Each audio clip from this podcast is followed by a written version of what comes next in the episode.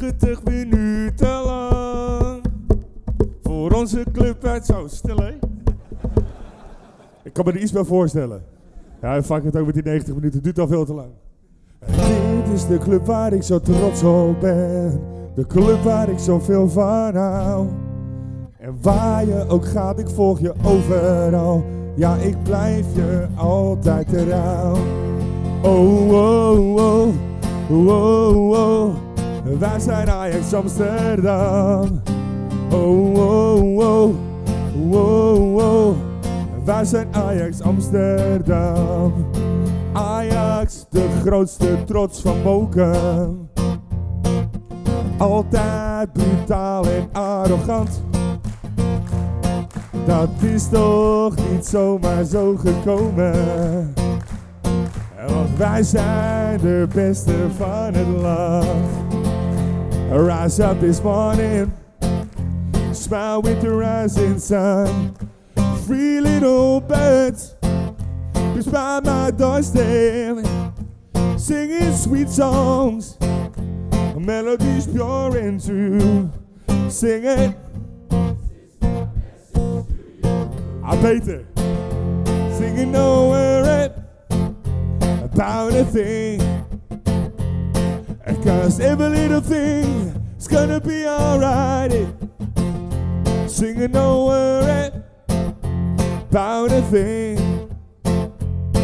Cause every little thing is gonna be alright.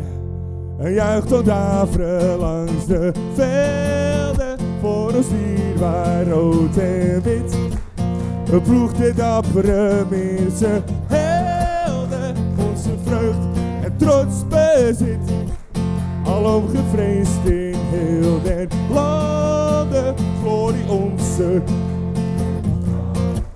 En ieder draagt ze op de handen, wie gaat niet? De Ajaxen, witte scharen, dappere strijders, vier en koel, de club die rood en wit wordt kampioen. De Ajaxen, witte scharen, dappere strijders, vier en koel. Roep die geld, dat is je ware, rood en wit wordt kampioen.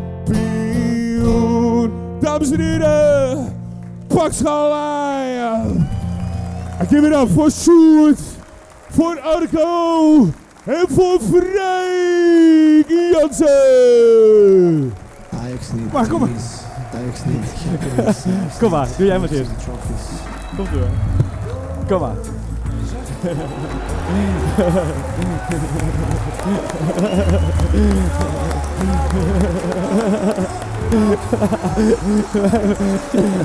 Wij lieten jou heel vervelend zweten hebben.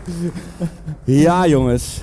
Zo, hè, hè. Zo. De, met de, Ik vond, Nog dit, was, een- dit was alweer zo flauw begin van ons. dat we Sjoerd even vooruit stuurde als een konijntje. En toen keek hij over zijn schouder van... eh, Waar komt die jingle dacht ik? Waar is die?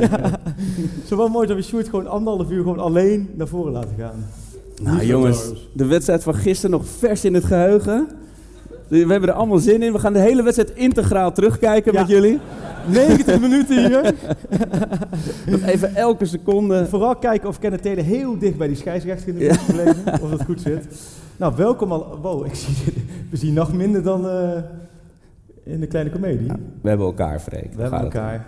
Nee, maar jongens, toen we dit planden, was het een tijd geleden natuurlijk. Dachten we, nou, dat is toch prachtig. Maandagavond, de dag na de wedstrijd, kunnen we heerlijk de voetbalwedstrijd nabespreken met de mensen. Nee, klopt niet wat je nu zegt. Want jij was gelijk al toen we dit twee maanden geleden was. Toen was jij de eerste die zei: Oh, Ajax zei nee, niet een dag later, want er wordt 0-2 en dan moeten we daar zitten.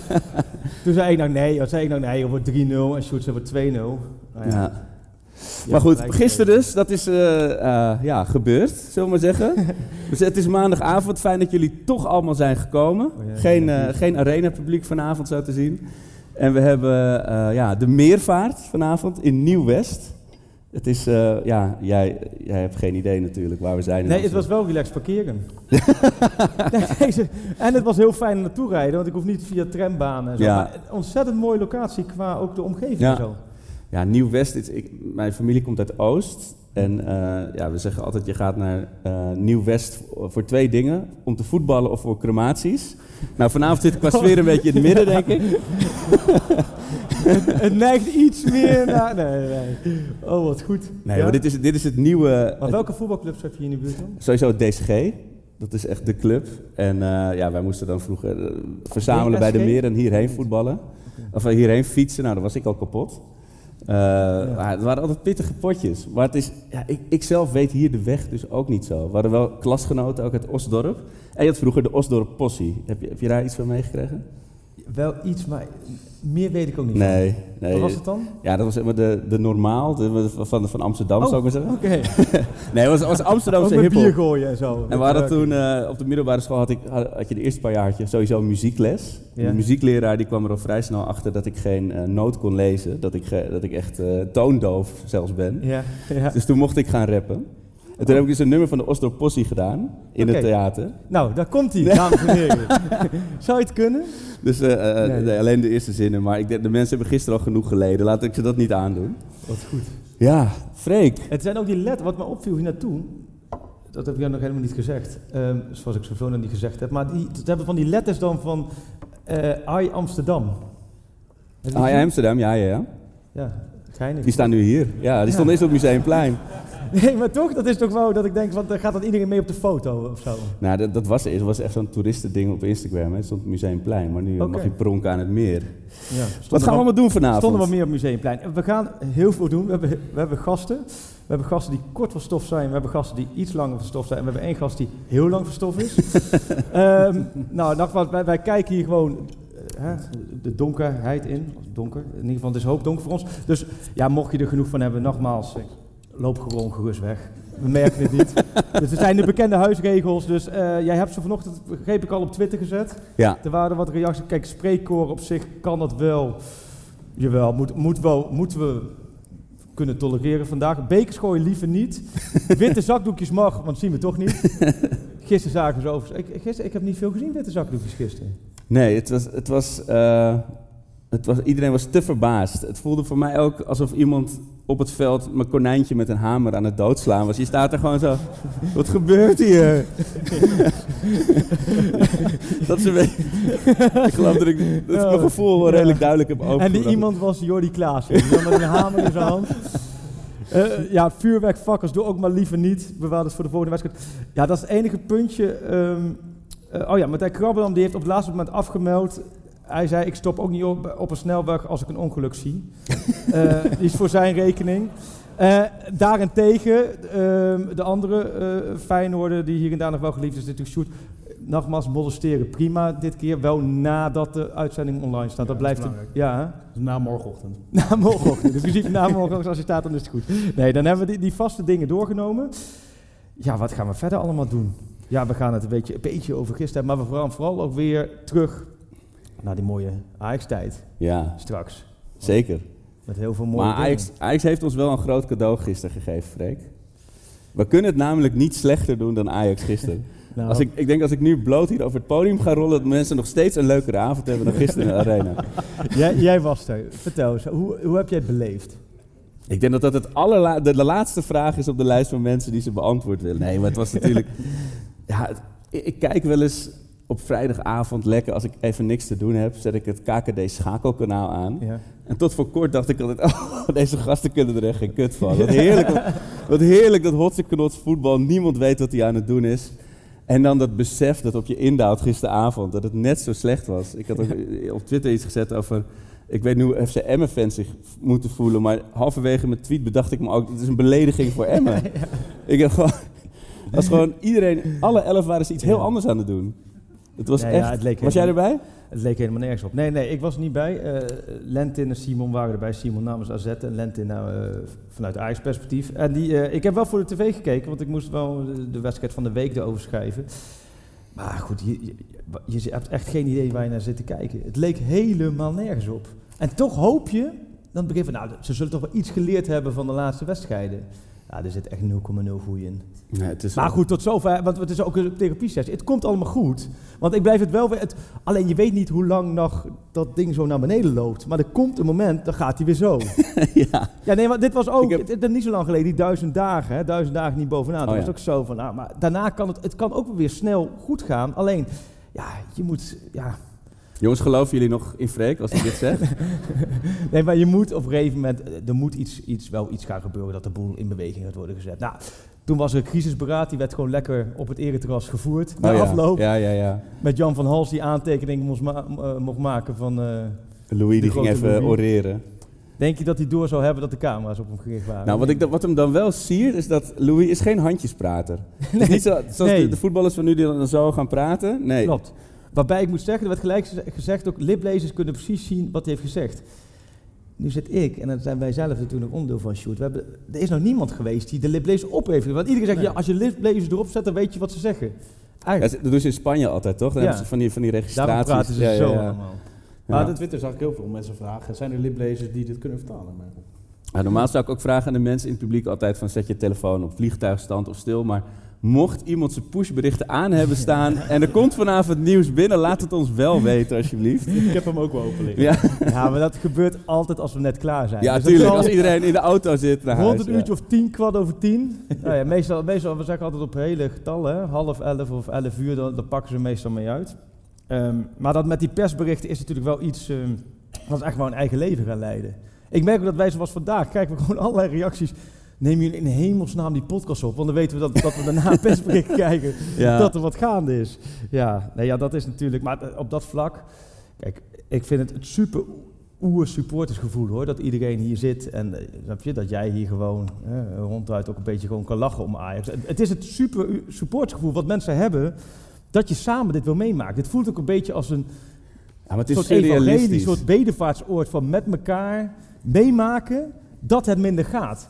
Want dan vroeg ze van tevoren als je door de camera en dan stelden ze ook wat vragen van, ja, wat, ik zeg, dat is altijd dat, dat bij Feyenoord, eh, niks persoonlijk Sjoerd, maar altijd dat Feyenoord van, oh en de slechte tijden staan we door en toen we met 10 verloren, toen stonden we daar.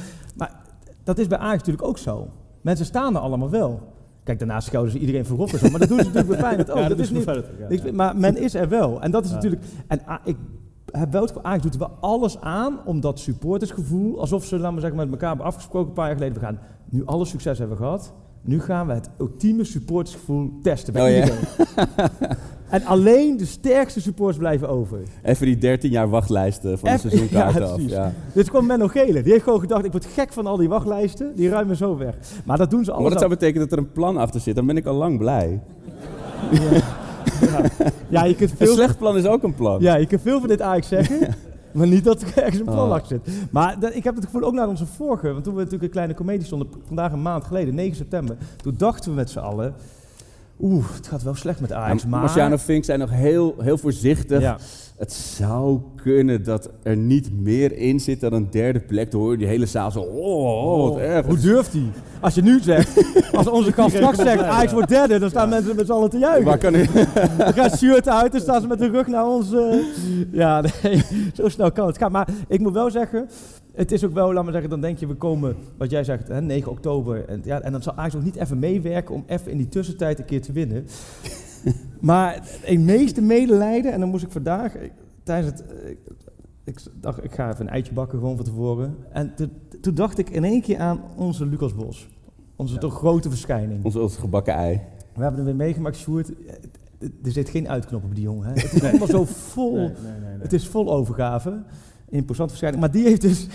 ja, er werd ook van tevoren gezegd... speel hem niet die, dat liedje, want we gaan. Ik dacht, dat snap ik. We gaan hem ook niet helemaal spelen. Maar ik denk dat er een... Er zit een verhaal achter. En dat is gewoon... Hij heeft natuurlijk op 9 september heeft dat, dat lied... Stijn doelpunten verstijn heeft hij gezongen.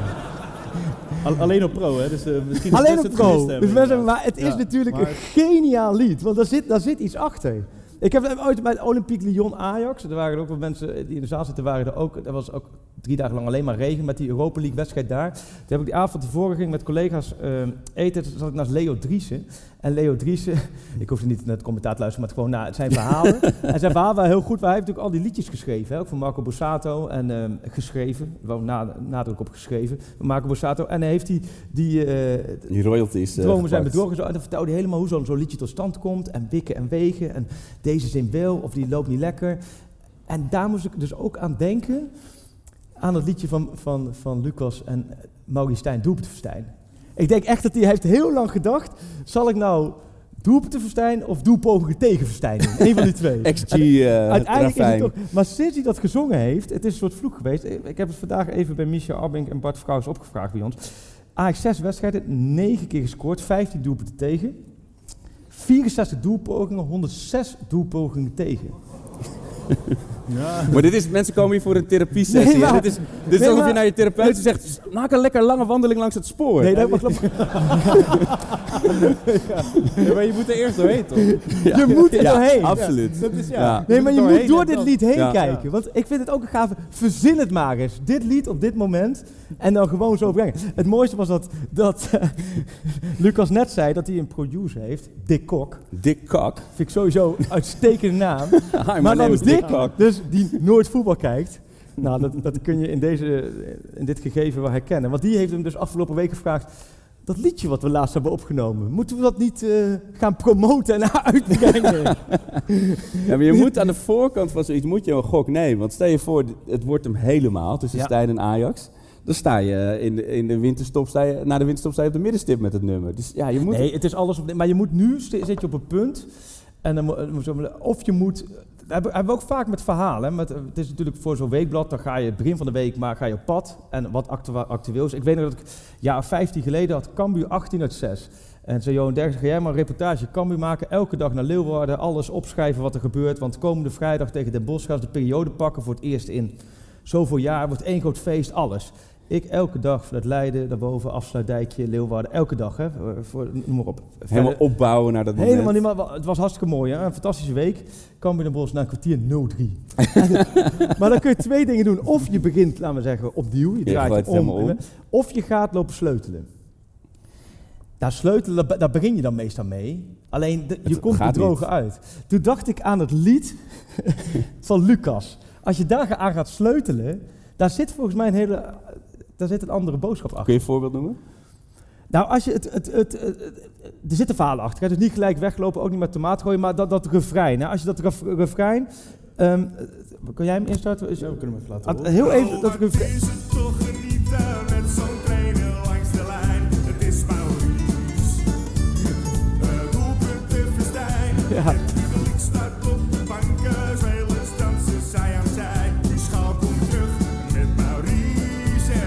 Ja. Klinkt Nou, wel lekker. Dit, dit is, dit, dit zit alles in. Het swingt meer dan Het Ajax swingt zelf. meer. ja. dit- dit- dit- complimenten voor Lucas. Alleen ik zit wel te denken hiermee ook serieus van... ehm, het is een, een tijd waarin mensen in complotten denken. En het is ook een tijd waarin mensen bij Ajax... Moet je maar eens opletten, men heeft het liefst één vijand. Want dat is het meest overzichtelijk. Het ligt allemaal aan één persoon. Je hebt je Dus- eigen onderzoek gedaan, ik hoor het al. nou nee, eh, het- of het ligt allemaal aan Maurice Stijn, of het lag allemaal, of ligt allemaal aan Missitat. Maurits Hendricks is- men ook niet heel positief over. Dan heb je wat Gouden vrouwen in, gouden in de FVC, gouden rugnummers. Nee, maar er is van alles. Het, ligt, maar het, handen, het fijnste is vaak in het denken. Het ligt echt aan één persoon. Nou, en of de oliebollenkraam. Ik weet niet of de mensen hier voor de deur staat. De Brabantse oliebollenkraam hier voor de Zou meervaart. dit worden overgenomen al Oh, PSV-gebied? Maar ik vind er wel, het is overzichtelijk en, en deels ook wel terecht. Ik denk wel dat er meerdere factoren zijn. eh, hoewel het is natuurlijk terecht dat er nul ontwikkeling in de ploeg zit. En dat gebeurt onder Stijn, de aankoper en Degen, noem maar op. Toch zou ik wel aan al die schuldigen één persoon toe willen voegen. Waar ik zeg van misschien, daar zie ik het complot in. Het ligt gewoon daaraan. Ja, dat is Lucas Bos. Waarom dan? Nou, omdat Waarom ik denk Lucas? dat het een soort PSV'er in Ajax-kleding is. Oh. Want als jij dit lied... Ja, eh, Oh. Ik weet niet of hij hier is, maar Nee, maar als je... Dan ga ik straks... en Het is, dit slaat is, je in elkaar, denk ik. nee, maar zo'n gitaar in je nek. dit is glad ijs, want echt, ik pas zes keer in Lucas. Het kan zo zijn, ik heb de auto maar zo geparkeerd dat ik het één keer weg kan. Want ik ben ontzettend bang voor hem. Maar als je, dus- als je de zin, hè, en ik heb hem ontleed even. Wat is het toch genieten met zo'n trainen langs de lijn? Er is geen Ajax die dat gevoel heeft. Heel PSV en heel Feyenoord en heel voetbal in Nederland, behalve Ajax, zingt dit nu vol, vol glorie mee. Dan heb je Maurice Doelpuntenverstijn. Nou, we hebben net opgezomd onwijs veel doelpunten. Aan, in het netje bij ons, ja. Alleen niet aan de, aan de goede kant. Dan krijg je publiek op de banken. Wel op de banken. Daarna lopen ze naar de hoofdingang, molesteren ze de boel en gaan ze weer terug. Maar daar zit, daar zit ook wat in. Dan komt die spelers dansen zij aan zij. Nou, Om de het middenveld danst in ieder geval niet zij Nee. aan zij. Die dansen met hele grote gaten omheen. Dan heb je het over tegenstanders. En, maar deze zin, hier, dit verraadt een beetje Lucas, denk ik. De schaal komt terug met Maurice erbij. Ah, dat- is vanuit PSV-perspectief perfect beredeneerd. Dus Maar dat- Peter Bos en Lucas Bos zijn familie, Ik denk- is, jouw, is jouw theorie. Nou, we zijn er. ik denk, daar zit hem in. Dus daar zit denk ik, ik- dus ik, ik, ik, ik zie daarin Nou, we wel... gaan Lucas straks de kans Het geven om zich is- te verdedigen. want Maar we gaan Lucas kan zichzelf verdedigen sowieso. Ik heb van tevoren gevraagd van Lucas, wat ik over je zeg, sla me niet elkaar. Nou, dat heeft hij beloofd, dus daar komen we uit. Alleen, hij gaat straks een fantastisch nieuw nummer zingen. Ja. En dan gaan we weer over een week of vier kijken. Vanuit welk perspectief hij dat nummer heeft, eh, heeft geschreven. Ja. KKD Olé Olé? Of is dat... eh, hey, maar, oh, want dan vond, weet je wat ook niet fijn is? Sjoerd, onwijs veel wordt er nu vanuit Rotterdam geluisterd naar ons. Dat is niet erg, want ik bedoel, ah, ik zie de luisteren ook naar de Feyenoord podcast soms. Als, als Ajax weer met 5-0 gewonnen heeft, dat is niet zo erg. Maar ze vinden het ook heel leuk om dan de Pak Schaap podcast de Pak Slaag podcast te doen. Ja, dit, eh, dat merk ik ook een beetje inderdaad. Ja. Ik hoorde het zelfs in nou, de, wat de een niveau van humor daar. podcast Hm? voorbij komen. de? Ik hoorde het zelfs in de Feyenoord podcast voorbij komen. Oh, oké. Maar Ja. dat, ja. Ja, ze mogen tapdansen op ons graf. Dat, eh, dat eh, ja, hoort nee, maar erbij. dat is, daar hadden we net ook over. als je zo'n naam neemt, dan ja, komt dat ooit natuurlijk terug. Ja. Ja. Die komt ook weer terug als je hem wel weer wint. ja. Maar eh, Maurits Hendricks. eh, had jij het gevoel dat Louis van Gaal gisteren Maurits Hendricks zag staan? Of dat hij eh, Oh, het was echt alsof iemand de airco had aangezet in het, in het stadion hoor. Oh, dan sta je er met je flesje water. Ja. Chief Sports Officer. Ja, het was een, ik, ja, ik dacht dat jij wel, misschien wel een beeldspraak had over hoe jij in de kroeg zou staan en een mooi meisje zou zien. Zo stond Maurits Hendricks. Laten we daar heel erg hunkeren naar oogcontact. Ja, precies. En ze loopt gewoon voorbij hè. Ja. En je, en je gulp staat open. Dus, eh, Ik ken niemand die dat gebeurd is. wel eens. ja. Noem verder geen. Jeugdtrauma? Ja. eh, hier kunnen we overheen. Nou, mooi. Nou, ik, Nee, ik, eh, had, ik had vroeger, gingen we op het Leidseplein uit en dan was er één kroeg, de Gigi's. Daar kwam je dan binnen als je onder de 16 was. En, ehm, maar het was altijd al een beetje, je had dan 25 gulden bij. Het, begint in zwart-wit beelden te worden dit. Maar, dus dan kon je dan twee, drie drankjes, vier drankjes kopen, dan kon je weer naar huis. Dus, nou dat, dat was gewoon al de realiteit. Maar er was altijd al iets dat ik dacht, er gaat iets niet goed. Maar bij ons op vrijdagavond thuis was frituuravond. Oh. Mijn ouders hadden gewoon de frituurpan in de keuken staan. Oh, Dus ik meurde echt drie kilometer naar frituurvet. En op een gegeven moment zei een meisje ook van... Ja, je bent best een leuke jongen, maar ik moet echt door mijn mond ademen. Want de, de frituur komt uit je poriën, werk je in een snackbar. Ik zei, nee, nee. Oh, en toen dacht ik, ah, misschien is dit niet de manier. Nou, zo heeft, Marie, heeft eh, de chief sport officer zich gisteren ook gevoeld, denk ik. Maurits Hendricks met de frituurpan. Ja. Dat is ook wel een verhaal. Maar ja, hoe nu verder? Ja, Dat is de vraag die volgens mij Kaloum, onze jongen die, eh, onze videojongen die eh menig van jullie volgens mij aan de mouw getrokken heeft. Dat is de centrale vraag van vandaag. daar hoeven wij gelukkig niet uit te komen. zo. Nee, ik, eh, nee, maar uiteindelijk de sleutels liggen bij eh Van Gaal. Bij ome Louis en zijn en zijn Ja. zooms. Maar, want hij, want er stond ook van, hij gaat waarschijnlijk vanuit Portugal veel doen. Maar zie jij Louis Vergaal achter een Zoom-verbinding? Ik denk dat, dat, ze- Ja, hallo? dat, je eerst, ja, Hallo? dat je ook eerst Die begint gewoon met praten. Die kijkt ook niet of, maar of dat je ook eerst laat het gezicht ziet. die, die, die kop van hem zo in dat scherm. En ik ook zo corona zoomen, dat hij dan, laat me zeggen, voor net dat hij dit van daaronder in zijn boxershort loopt en dan niet doorheeft dat... eh, Weet je wat jij moet doen, Maurice? Ja, ja. heerlijk.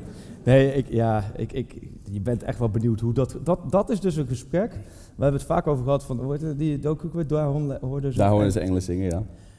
Nu die docu van dit jaar, je kunt hem nog steeds starten. Eigenlijk ik, moet je hem eigenlijk als, als Netflix of weet ik wat, je kunt eigenlijk met nog steeds starten. Je hebt nog steeds topdocu. Dan moet je dat gesprek eigenlijk tussen Van Gaal en Stijn, Ja, Ja, moet daarin. Ja. ja, Daar, daar kan geen Ajax-vla tegenop. Of, eh, ja, die zag ik ook al voorbij komen. Met een krantartikel van jou. ja, en dat, dat is wel gek. Want toen, dus ik, ik zei gisteren ook, oké, het is officieel erger dan het Woutersjaar, zeg maar, het Ja. jubileumjaar. Maar het, het, er is wel een gek verschil. Toen zat er ook geen, geen geen ziel in het stadion en in de club. En ik, ik- Nee. dat, dat zit ergens nog wel. Er, Ja. er is waarschijnlijk net zoveel mismanagement, mismanagement en weinig beleid. Maar er zit wel weer ziel in die, in die, in die arena. En dat, dat is echt wel een groot verschil. En dat, ook al was het gisteren qua sfeer, wat je zegt, heel, ja, heel gelaten. Maar dat, dat gaan we in ieder geval niet meer meemaken. Dat je iemand aan de andere kant van het stadion hoort, hoort kuchen, zeg maar. Wat ik, wat ik niet snap, hè, en ik, ik, ik je, dat- dat- zij moeten zelf bepalen wie of wanneer ze welk oordeel vellen over, over, over een trainer of over iemand. Maar je merkt heel erg sentiment van, oké, missie dat is weg, nu op, snap je, met eh, sentiment op Stijn gericht. Maar zoals gisteren, jij, jij, jij zit dat ook in het stadion en ik krijg dat vanaf de zijkant mee, maar er zijn geen spandoeken of, of wit, waren de witte zakjes of of, of eh, spreekwoorden tegen de trainer. Terwijl dat, ik zeg niet dat het moet hoor, supporters mogen zelf bepalen wat ze willen doen op dat vlak. Alleen, eh, hoe, hoe verklaar je dat? Is het dan dat de, dat de F-site Ja, ik denk Stijn, laten we zeggen, dat, dat dan nog... Eerst Ja. moeten er nog... eh, dat in mensen aandelen dat ze Stijn in Scorito hebben ingevuld. dat ze het niet... Nee, maar kijk, je, ik denk dat het ook omdat het zo'n glijdende schaal is van, van anderhalf jaar. Kijk, het is niet... Vroeger... Ik, ik heb zelfs meegemaakt dat Danny Blind, echt oer-Ajaxiet der oer-Ajaxiden, maar toen hij trainer was, ging het ook verschrikkelijk. Dat er zelfs Danny rotop werd geroepen. En dat was voor Danny Blind, hè, de, de aanvoerder van 95. De, de man van de penalty in Tokio. En dat is dan heel gek dat het dan nu niet gebeurt, maar het is... Het, het zondebokwijzen is misschien niet... eh, daarvoor was het... Daar, mensen hadden geen weet Nee. van de RVC. Of mensen hadden geen weet van hoe de selectie werd samengesteld. En nu is het... Ja, het, het zou wel heel makkelijk... eh, Het gek is dat op, op Twitter is de, is de hashtag Stijn out of eh, Stijn verdwijn al, al weken trending. Ja. Maar blijkbaar is Twitter toch weer een andere wereld dan, dan de echte. Ja. Wat denk jij? Wat denk ik? Ja, nee, hoe bedoel je? Wat denk ik? Wa- Waarom, waarom Ik worden kan nu geen... zeggen, Maurice Stijn, Maurice Stijn, Maurice Stijn, Maurice Stijn, Maurice Stijn. Maar dat heb ik al een keer gedaan. Ze niet ook niet helemaal lang afgenomen. Nee, ehm, ja, wat denk ik? Ja, ik weet het niet. Ik vraag het jou. Het, het, het valt mij op. En het, dat is, laat me zeggen, vind ik opvallend dat op dat vlak blijkbaar dus nog wel wat eh krediet is. En, en tot dit moment, kijk, als we zo klaar zijn met de show is het misschien anders, want er komt een persbericht. Maar je merkt dan dat, ik heb ook het gevoel misschien wel met Van Gaal, en daar heb ik vandaag ook wel een beetje wel gehoord, eh, wat mensen sprak binnen Ajax, misschien dat, kijk, Van Gaal beslist gewoon, want niemand durft de keuze te maken zonder de mentor. En de mentor is de adviseur van de RVC, maar niemand in die organisatie gaat de keuze maken voor Van Gaal. Iedereen kijkt naar Van Gaal en Van Gaal moet de keuze maken. En Van Gaal is net binnen bij Ajax. En ik denk dat Van Gaal, eh, die wil eerst denk ik waarschijnlijk gewoon echt zelf zijn oordeel vellen. Ja. Nou, die heeft hij dan gisteren en afgelopen week kunnen vellen. En dan gaat hij, denk ik, neem ik aan, in gesprek met, met Stijn. Daar zal het van afhangen. Hoe denk jij dit nog om te kunnen draaien? Ja, nee, dat zal het Ja. zijn. Maar goed. Maar, ja. Nou ja, we, is- gaan het, we gaan het... eh, maar iemand zei gisteren ook wel naast me op de tribune... Er is ook geen, er is ook geen liedje op te bedenken. Van, ja, je kan Nou, Stijn verdwijn, Stijn ik- verdwijn. Lucas Bos die heeft er toch heel snel een liedje voor gemaakt. Hoor. ja, Ja, nou ja, we gaan het meemaken. Maar ehm, laten we het hebben even met iemand over gewoon... die er wel verstand van heeft. Die er wel verstand van heeft. Die wel heel veel succes met Ajax heeft meegemaakt. Zeker. Ja, nou ja, ik laat het, de, de, de aankondiging en het lijstje aan jou, want jij hebt het allemaal opgezocht.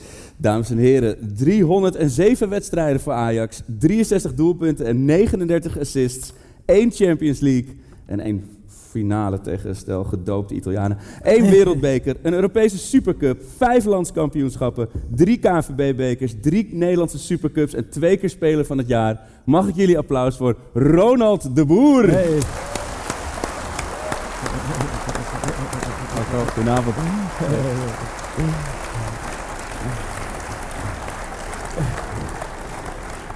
Ja, er zitten echt mensen hoor. Ja, Ik denk ja. dat dit een geluidsband is. Daarvoor heb ik mijn bril op. Ik denk, dat zie je, ik zie het toch wel een beetje. Oh, welkom Ja. Ronald. Ja, dankjewel. Ehm, Moest je nog even denken aan het moment van de fameuze foto? Hier om de hoek bij de Febo. Oh ja, ja, bij de Febo, ja, ja, dat generatie. Ja, ja, ja. ja. Dat, eh, dat was ook een mooie generatie. Daar ben ik het wel mee eens. Het is eh, komen en gaan van generatie. Dat gaat, gaat altijd. En dat hou ik me ook een beetje vast op dit moment. Eh, generatie wat minder. Heel veel De lauwe- minder. de En dan lauwe uiteindelijk, eh, ja, komt het weer goed, hopelijk. maar jij komt, oh ja, de foto's hebben we weg. Want Ja. Sjoerd had speciaal opgezocht, want je komt net van de... Ja, Oh ja. Hij is helaas weg, de vestiging dit was de hier om de hoek? Ja, hier. Ja, eh, in Oostdorp, ja. ja. Mijn, ex-schoonvader, eh, die Oh, ja. bezit, eh, Oh. eh, of bezat behoorlijk wat, eh, Wat Febo's. Febo, en deze ook. Dus eh, die hebben we toen met Richard en Brian en eh Marciano volgens mij staat erop. Ja, Dus de Geelburger was Ja. voor jou al... eh, Ja, dat was toen natuurlijk met Leo Beenhakker. Die had Oh ja. ons ja, gebombardeerd als eh datgene. Een beetje verwende jongetjes eigenlijk. Eh, niet zo serieus nemen het, het spelletje. En ja, wij kwamen natuurlijk als jonge jongens in één keer door. En ik, Jan Wouters is nu ook eh, bij de jeugd bij Ajax en daar werk ik samen mee. En daar hebben we het er wel eens over. Ja. Ja. wij kwamen als echt, zeker Richard en Brian, echt van die Amsterdammertjes die... eh, ja, die waren nergens bang voor. En die hadden al een grote bek tegen iedereen. En die, ja, die deden net alsof ze alles al wisten. Ja. En dan kon Jan Wouter bijvoorbeeld heel slecht tegen. Nou, dat eh, merk je dan ook wel op de training hoor. Dat, Want anders eh, schopt hij hem gewoon... ja, maar echt dwars door midden hoor. Eh, ja, ik weet nog één moment, dat we een partijtje op scherp, hè, dat was vroeger echt, ja, dat 3 tegen 3 of 4 tegen 4, dat ging het echt op het scherpst van de snede. Dan was ik ook gewoon zenuwachtig als ik wist van dinsdag en donderdag speelden we dat. En dan, dan wist je, oh ja, dinsdagmiddag eh, aan de bak. twee dubbele schermen. En dan was het toch wel vaak, deden ze zeg maar de jongetjes tegen de oudjes. Nou, die, ja, hè. en dan had je Bobby Harms, eh, Bobby. en, eh, en die was altijd zeg maar voor de oudjes. Oh, Oh. En dan was het, eh, als Jan zei, die bal is uit, uit. En dan eh, zeiden wij, eh, uit, de bal is uit. En dan zei bijvoorbeeld Jan nee, nee, doorgaan, doorgaan. Ze dus eh, wij waren dan al zo eh, helemaal van ons Ja. apropos dat we al 3-0 achter stonden op dat moment. Maar er was ook bijvoorbeeld een keer, eh, wij hadden dan bijvoorbeeld, de bal was niet, als de bal uit was, was het hebben-hebben. Ja, wat is dat dan? Dus dan ga je dus zo snel mogelijk achter die bal aan. Maar Ja. Richard Witsche die was dan ietsje voor Jan, maar die tikte die bal dan voordat Jan die bal kon pakken, tikte hij niet vooruit. En elke keer weer te vooruit. Maar dat was ongeveer 100 meter verder. En op een gegeven moment dacht Richard, nu pak ik hem. Nou, toen schoot Jan hem echt, die schopte hem zo echt, ik zweer het je, een meter gewoon tegen het hek aan gewoon. Eh, bij, bij de meer, hè, aan de achterkant, zeg maar, richting het betondorp, zeg maar. En dat was echt, nou echt, je, je schrok echt van. Maar dat was, dat was Jan. En dat, dat was ook een beetje onze generatie van, eh, ja, een beetje bluff. En eh, uiteindelijk is het wel goed gekomen Ja. met ons. Maar wel eh, een waanzinnige generatie. Jij kwam op je veertiende Ja. in de jeugd van Ajax. Ja. Ik, eh, we speelden bij de Zouaven in Ja. eh, Grotebroek en we hadden natuurlijk eh, regionale wedstrijden. Dat waren wedstrijden eerst van regio West-Friesland. Nou, als je daar goed deed, mocht je overgeheveld worden, de betere, naar regio Noord-Holland en provincie Noord-Holland. En dan Amsterdam had zijn eigen provincie, zeg FC maar. binnen de ja, ring, omdat ja. je natuurlijk Ja. zoveel goede clubs had. En, dus je had eh, zeg maar Amsterdam en dat je Utrecht en dat je Noord-Holland. En dan speelde je onderling tegen elkaar. Nou, dan speelde je ook tegen Am- eh, jongetjes van de Ajax-jeugd die daar al in zaten. Die werden daar ook geselecteerd. En dan, ja, eh, dan had je natuurlijk al die scouts staan. En eh, nou, nou, die eh, jongetjes van de boer, die, eh, die kunnen er wel van. Dus wij mochten op 12-jarige leeftijd een, eh, een eh, hoe heet het, eh, stage doen. En dat ging heel goed. En eh, we mochten direct op 12-jarige leeftijd naartoe. Alleen, mijn vader was stukken door en die zei, ja, leuk en aardig, maar 70 kilometer heen, 70, meter te- eh, 70 kilometer terug is 140 kilometer. Wie gaat dat betalen? Ja. Ik ben maar een simpele stukken door. En ik, eh, ja, dat ga ik niet eh, allemaal eh, kunnen bekostigen. Ja. Dus ik weet het, mijn, mijn neef die kwam al met grote broeken, die speelde ook bij de. Maar Dat was voordat de snelweg er ook Ja, was. exact, Dat was- ja. Het duurde eindeloos. je 100 Dat was echt af en toe omkleden in de auto als er file was. Op, voor- vooral bij Amsterdam natuurlijk, Schellingwoudebrug. En, de, en dan zei ik, pa, over de, over de trambaan. nou, eh, echt niet, echt niet. Eh, wat denk je, een boete? Van, eh, dat kun je echt niet betalen. En soms heeft hij het wel gedaan. Maar, en, maar in ieder geval, hij kreeg het nieuws. voor Ajax was het toen in die tijd. Je mag blij wezen dat je voor Ajax speelt. Oh, ja. Een soort eer. Dus daar, daar ga je geen reiskosten van krijgen. Ja. Nou, dan zijn mijn vader dan niet. Dus, dus wij gingen niet. Wij wel balen natuurlijk. Ja. Maar twee jaar later speelden we weer tegen Amsterdam. Toen scoorde ik twee goals en Frank één. En toen was toevallig, we waren al een beetje op de radar natuurlijk, want ze bleven ons volgen. En toen eh, was, eh, hoe heet het, eh eh, Jannie van Veen, die was al een beetje toen, hè, bekende scout van Ajax, die was al een beetje aan het kijken naar ons en zo. En die gaf af en toe wel wat informatie door. Maar toen was Tony Bruin-Slot, Ja. allemaal zijn ze niet helaas, maar Ja. Tony die was toen ook bezig kijken. En die moest daarna naar de training van Ajax toe, van, het, van Johan de volgende dag. Ja. En dus Johan was ook wel begaan met de jeugd. En zei, en hoe waren onze jongens? Nou, dat was niet echt best, Johan. Maar eh, ze verloren met 3-0. Eh, Maar die, die broertjes de boer, die waren wel aardig. Hè? Want die, eh, die hadden wel op de korrel, maar die wilden, ja, die wilden niet. Ja, waarom willen ze niet? Ja, die vader wil reiskosten. Ja, maar zijn ze goed? Ja, heel goed. Nou, betalen dan. Dus eh, uiteindelijk, eh, Johan heeft dat laatste setje gegeven. Oh ja? Wel, echt ja. waar? Ja, echt waar. Dat is echt zo gebeurd. Wat een goed verhaal. Ja. Nou, maar moet je je toch voorstellen, als toen bijvoorbeeld AZ al ook een jeugdopleiding, en die hadden dan daartussen natuurlijk, hadden die wel een move gemaakt. Tegenwoordig is die concurrentie op, da- op Ja. die leeftijd al Ja. moordend natuurlijk. Ja, nee, dat is het nu. eh, sommigen denken zo van, nou, maar als ik dicht bij huis kan zijn, zeg maar bij Alkmaar, is dat wat prettiger. Lekker bij mijn Ja. familie blijven wonen. Dus Ja. ze hebben meer keuzes, dat klopt. Ja. Maar die jaren heb jij natuurlijk vanuit Cruijff eigenlijk gekomen. Stem- Ja. En je hebt natuurlijk Van Gaal heel bewust meegemaakt. Ja. Hoe, hoe, denk jij nog vaak terug aan die tijd met hem als trainer en hoe dat allemaal ging? Jawel, tuurlijk. Hey, eh, ik bedoel, ik reed mee, hè, een beetje carpoolen toen. Hè, want mijn vader, wat ik zeg, was stukken door. Mijn moeder was gewoon huisvrouw, maar we hadden nog een, eh, een oudere zus. En soms kwam het niet allemaal, eh, paste het niet. En dan belden we bijvoorbeeld, nou, Louis, kunnen mijn zoons met jou meerijden eh, vanuit Avanhoorn naar Oh, Amsterdam. Oh, Dus dan reden wij mee met hem. Dan bepalen jullie de muziek? Hè, je had het net over die documentaire van Louis. Ja. eh, daar eh, zaten wij achter in het bankje, zeg maar. en dan, ja, zo hebben we dus heel veel meegemaakt Ja. natuurlijk met Louis. Maar, dus wij, wij kennen hem ook vrij goed. En toen ook eh, als trainer van de tweede helft stond, wij werden al doorgeschoven. Ja. Dus dan merk je al wat voor type eh, Louis is, ja. Dat Maar dat is wel eh, gek natuurlijk, want hij kwam van, hij was assistenttrainer bij AZ, die Ja. ook nog laatste stond of, Ja. of in de eh, eerste divisie speelde en daar met ruzie weggegaan. Dus ook op dat, nu met de kennis van nu is het natuurlijk Ja. heel makkelijk praten, maar toen dacht je toch ook, wat, wat hebben ze nou weer voor vreemde vogel binnen Nou ja, ja ik denk- hij was natuurlijk heel duidelijk in, in zijn mening. Hij wist gewoon waar hij mee bezig was. En dat liet hij aan iedereen blijken. Dus, eh, Dus jullie kregen ook hele colleges op die achterbank waarschijnlijk. Nou ja, hij was heel duidelijk in eh, van, maar hij was ook gewoon wel duidelijk van wat wil jij dan? Hè? Eh, laat je mening dan horen. Dus, en dan zat je natuurlijk op de achterbank zo ja, ja, dan gaf je die geëikte antwoorden, die wenselijk gedrag gaf je dan maar eigenlijk. Ja. En ja, ik, of het mooiste, kijk, dat heb ik wel vaker verteld en misschien dat sommigen niet weten, maar het, het meest of het, eh, het moment wat me het meest bijstaat van Louis, toen dacht ik van, ja, oh ja, dit is echt typisch Louis. En toen had ik echt wel van, wow, hé, die gelooft zo in zichzelf, hè, dat hij echt goed wordt. Dat was het moment dat ik bij Shaki Wolfs in de, zeg maar, die oude, eh hoe heet het, materiaal, Ja. heet het, Materialenhok. eh, de materialenhok zat, met die schoenen. En dat stonk altijd wel naar zweet en weet ik veel, en naar ballen en schoenen en weet ik veel. En ik zat voor de training van de tweede helft, zat ik mijn schoenen vast te maken. En Louis zat altijd ook op het bankje. En, die, en wat ik zeg, we hadden er wel een klik natuurlijk. Dus hij zo. En? Word jij een topvoetballer?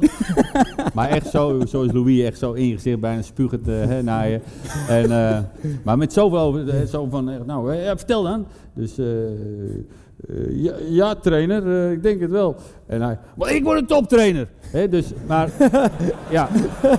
Maar zo overtuigend dat ik denk, ja, hij- ja, hij wordt het echt. Hij wordt het echt hoor. Eh, Maar toch ook toen hij het contract tekende, volgens mij toen hij dus trainer van Ajax 1 werd, zei hij Ja. toch ook tegen, de, tegen het bestuur van Ja. gefeliciteerd, jullie hebben zojuist Ja. de beste coach eh, ter ja, wereld nee, maar, ja, aangenomen. zo was. Maar kijk, hij was wel iemand die, en dat heb ik dus meegemaakt, zich zo goed voorbereidde. Er was bijna niemand die hard werkte dan, eh, dan Louis deed. Louis hè. ging niet een weekendje naar Ibiza. Die, eh, die, ging, eh, die ging vier, vijf video's van de tegenstander. Die wist precies wanneer die ene ging slapen en naar de wc ging. En, dus die wist echt precies van wat ik ook dan vaak meemaakte.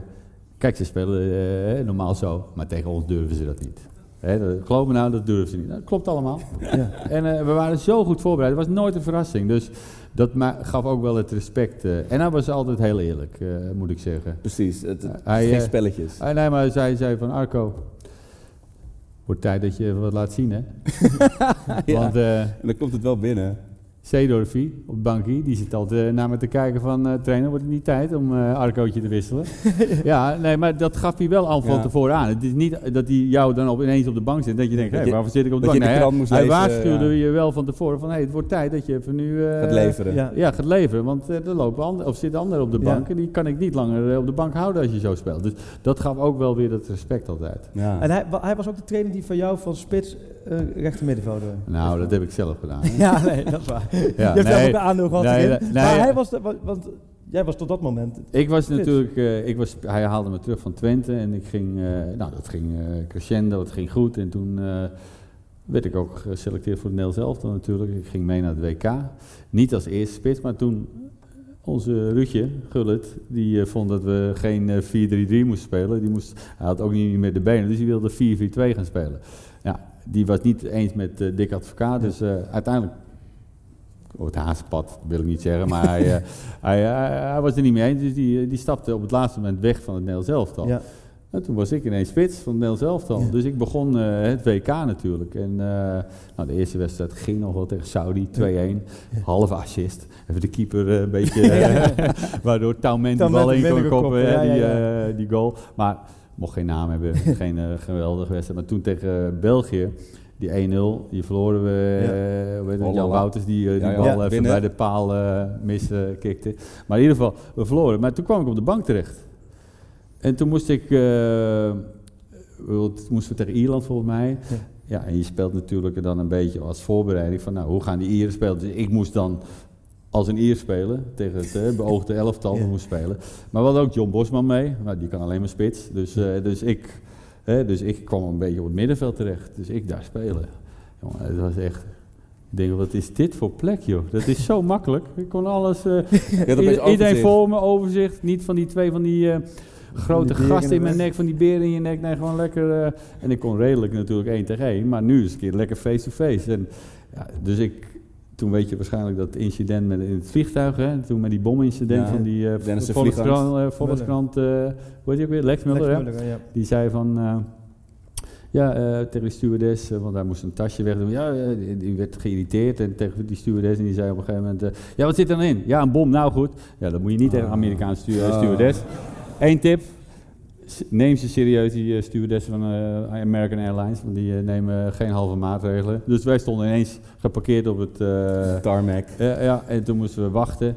En toen, nou ja, Louis was ook in het vliegtuig, dus wij moesten in die bussen wachten. Dus ik had even tijd om met Louis te praten. Ik zeg, Louis, trainer? Ik, want ik zeg nooit Louis ook, ik zeg nog steeds trainer. ik zeg, trainer, jij moet mij rechtshalf zetten. Jij rechtshalf? Ja, ik zeg, zeg mij nou gewoon rechtshalf. Hij zegt, want ik was best wel een nonchalante speler. Hij zegt, eh, dus jij loopt ook eh, met je tegenstander mee? Ja, ik zeg, ik loop ook met mijn tegenstander mee. Geloof me nou, zet mij maar gewoon rechtshalf. Nou, dat heeft hij geprobeerd. Dat was de eerste wedstrijd tegen Vo- eh, Feyenoord. De Supercup. Supercup, ja. Debuut van Kluivert. Die stond toen spits en ik Ja. stond rechtshalf. En ik weet nog heel goed dat Rob Witske stond aan de andere kant natuurlijk bij Feyenoord. Ja. En dat was best wel een loper, die, Robbie. En er werd al geintjes gemaakt, hè, Robbie, Met de longen, tegen ja. Ronald, met zijn longen tegen Ronald de Boer, die niet kan lopen. Dus, maar het ging, eh, het ging goed. We wonnen met 3-0 en daarna ben ik eigenlijk, ja, dat is altijd mijn plek geweest daarna. Maar is, dan die wedstrijd, eh, die, die thuiswedstrijd tegen Milan, zeg maar, de, de- van het begin van de gloriereeks, toen had je dus drie potjes op die Ja. positie gespeeld. Ja, klopt, ja. besef. Ja, dat was, en we wisten ook toen helemaal niet hoe wij, eh, ja, wat voor team we hadden, hoe goed we waren. Dat was, dat was echt, Milan was toen kampioen. Kampioen, hè? dat was En nog de Europa Cup 1. Precies, dit was dit het was de eerste seizoen dat het Champions League werd benoemd, zeg maar. Ja, en wij wisten echt niet, ja, hè, met al Costa Curta, Maldini, Gullit, Ja. eh Boban, eh, eh, ja, al- allemaal top, toppers, ja. Donadoni. het was echt niet normaal, hè? die grote gast, of le- legendes zeg maar, van die tijd.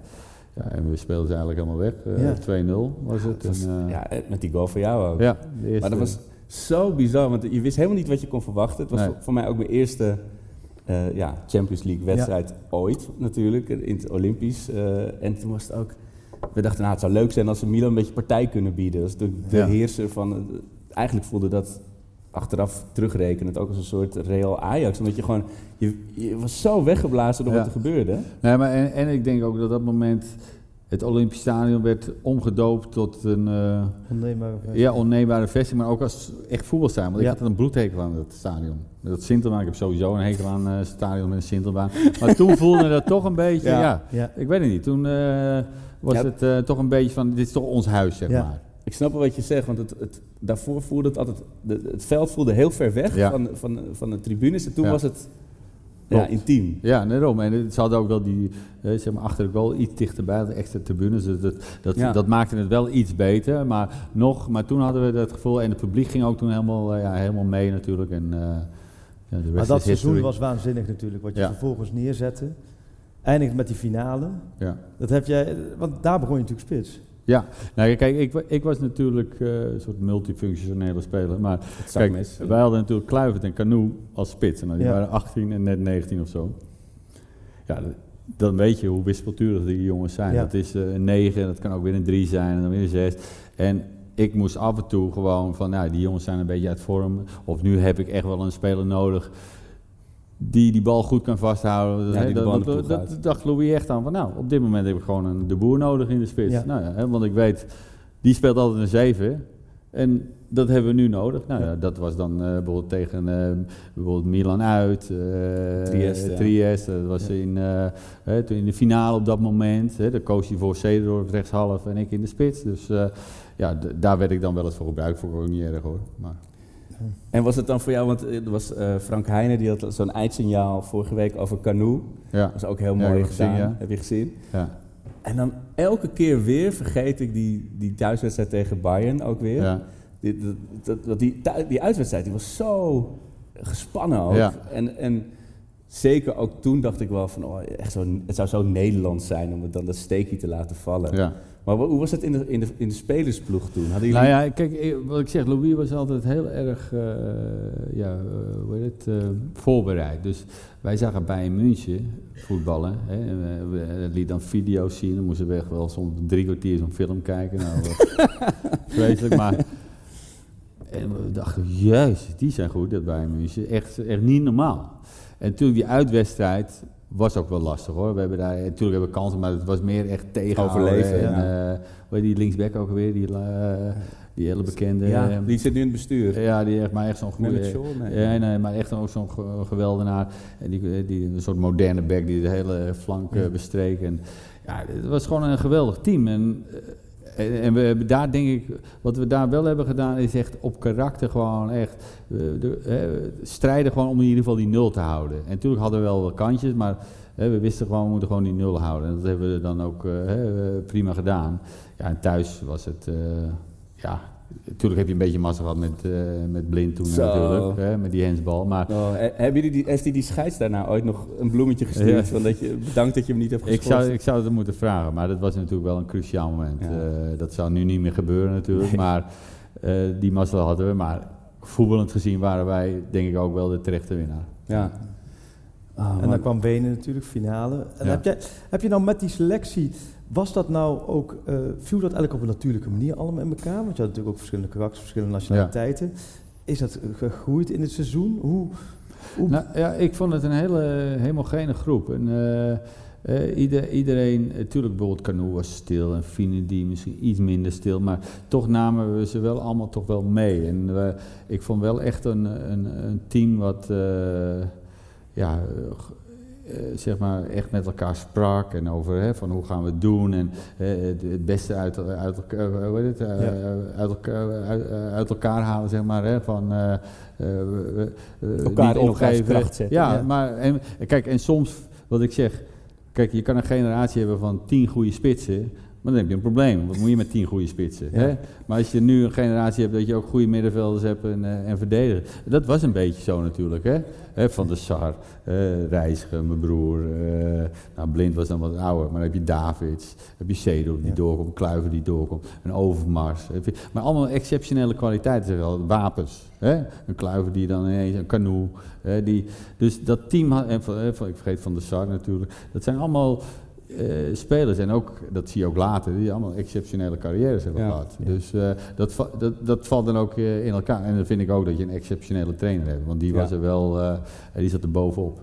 Ja. En als je dan, want we hebben het nu natuurlijk heel erg over, over het gloriejaar, wat ik godzijdank nog heb mee mogen maken, maar dat is, als je dan, ik zat laatst, was het, hadden wij een aflevering en dat was op de dag, zoveel jaar, 34 jaar, zo na het staafincident. Toen zat ik nog die beeld te kijken. Zag ik jou ook door dat beeld lopen? Ja. Dat, jij hebt dat ook mee. Jij hebt zeg maar, Ja. van het moment waar we het nu over hebben, van Wenen en Bayern, helemaal terugspoelen. Jij hebt ook dat absoluut een dieptepunt meegemaakt. Ja, zeker. Maar ik, ik was toen nog eigenlijk, ik was al blij dat ik erbij zat. Eh, ik bedoel, ik was een jong jochie. En, eh, maar het was natuurlijk een deceptie natuurlijk. Hè. Eh, Ajax onwaardig. Zo'n staafincident. En één jaar, hoeveel, hoeveel jaar mochten we niet... eh, Ja, dus 91 was Ja. weer het eerste Ja. jaar dat het wel mocht. Ja, en, en daarna is het natuurlijk wel, eh, zeg maar, eh, ja, eh, de gang ingezet naar eh, ver- een behoorlijke verbetering. En uiteindelijk met Louis eh, de Europa Cup 2 gewonnen. Wat wel uniek was op dat moment met heel leuk voetbal met Bergkamp, Jonk en zo. En, Ja. jonge Frank de Boer en eh voor mij David al. Dus Ja. dat was toen al... En langs bij Sieke Bergkamp. hier ja, om de hoek Zieke ook. Bergkamp in de finale natuurlijk. Dus, eh, ja, dat was toen al, wat je zegt, en dan bedoel je zo natuurlijk eh, straks het ezelbruggetje naar... eh, Ja, ja. gebeurt. We maken hem maar. Je we- voelt we gaan niet omheen. Ja. Ja. De wederopbouw heb je toen meegemaakt. Ja. Ja. wat moet er nu gebeuren? Ja.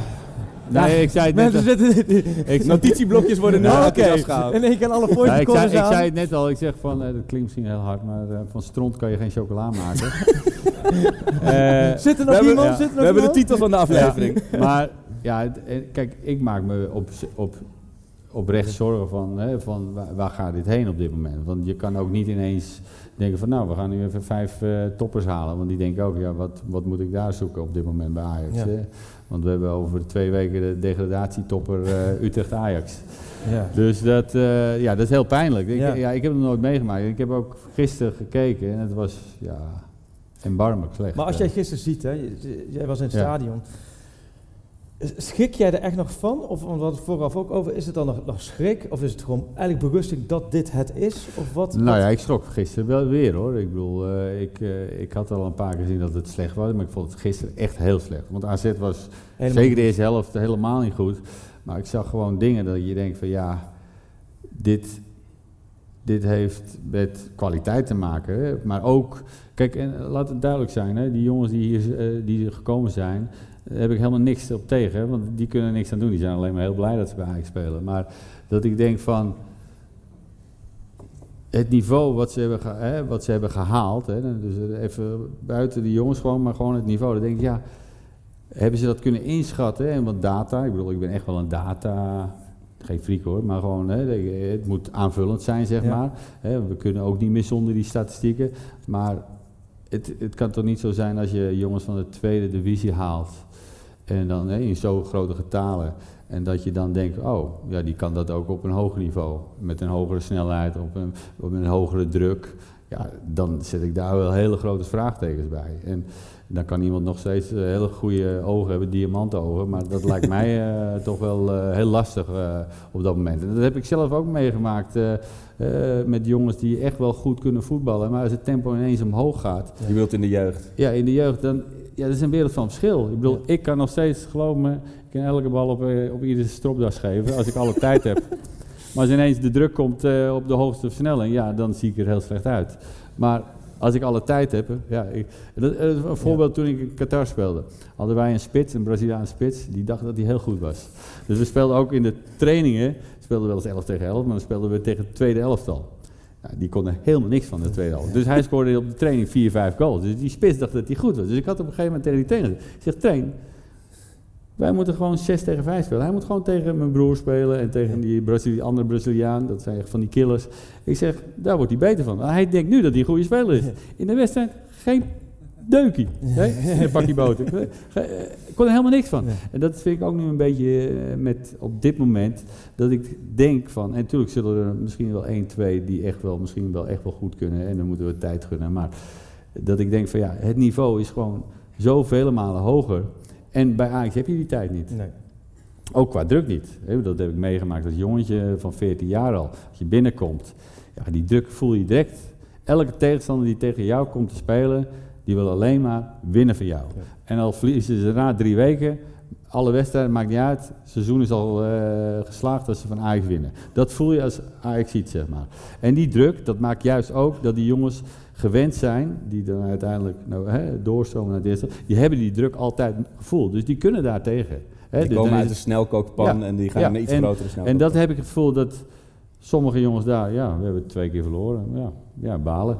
Ja. Ja, en meer niet. Ja, dat was toen daar, dat bij die tweede divisie ook. Ja, eh, jammer. Ja. Ja, En dus, en dat is helemaal niks tegen die jongens, hè? laat het duidelijk Nee. zijn. Hè? Dat zijn prima Maar je hebt er jongens. eigenlijk dus ook gewoon te veel gehaald van dat kaliber. Ja, ik had er gewoon eh, vier toppers gehaald. En daarom misschien, en daarom eh, misschien twee, drie lucky losers. Ja. maar en, en, en, ehm, eigenlijk als, wat, wat moet je als trainer doen dan? Hmm. Wat moet je als trainer... je, moet, je moet niet doen wat je nu al, Nee. eh, al, al, al, al twee maanden Nou ja, kijk, ik denk dat Stijn wel ook... Hè, je mag ook kriti- kritisch op Stijn zijn op dit moment, vind ik. Hè. Ja. Ik bedoel, eh, ook, ik vind hè, een prima vent. Maar als ik nu kijk hoe, eh, hoe ze tegen AZ spelen, dan denk ik, ja, je mag ook kritisch naar jezelf kijken. Ja. Eh, hoe het op het middenveld stond. Gewoon, eh, dat was ook al tegen AEK het geval. Volgens mij zei Vincent, Schilperan, eh, Vincent Schildkamp het al vijf keer waarschijnlijk Ja.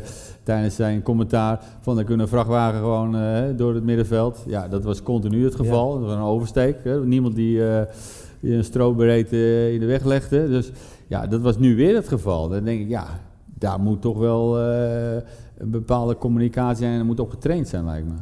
Hey, En dan heb jij nog met Ivan Gabric gevoetbald. Ja, die, die nooit valt.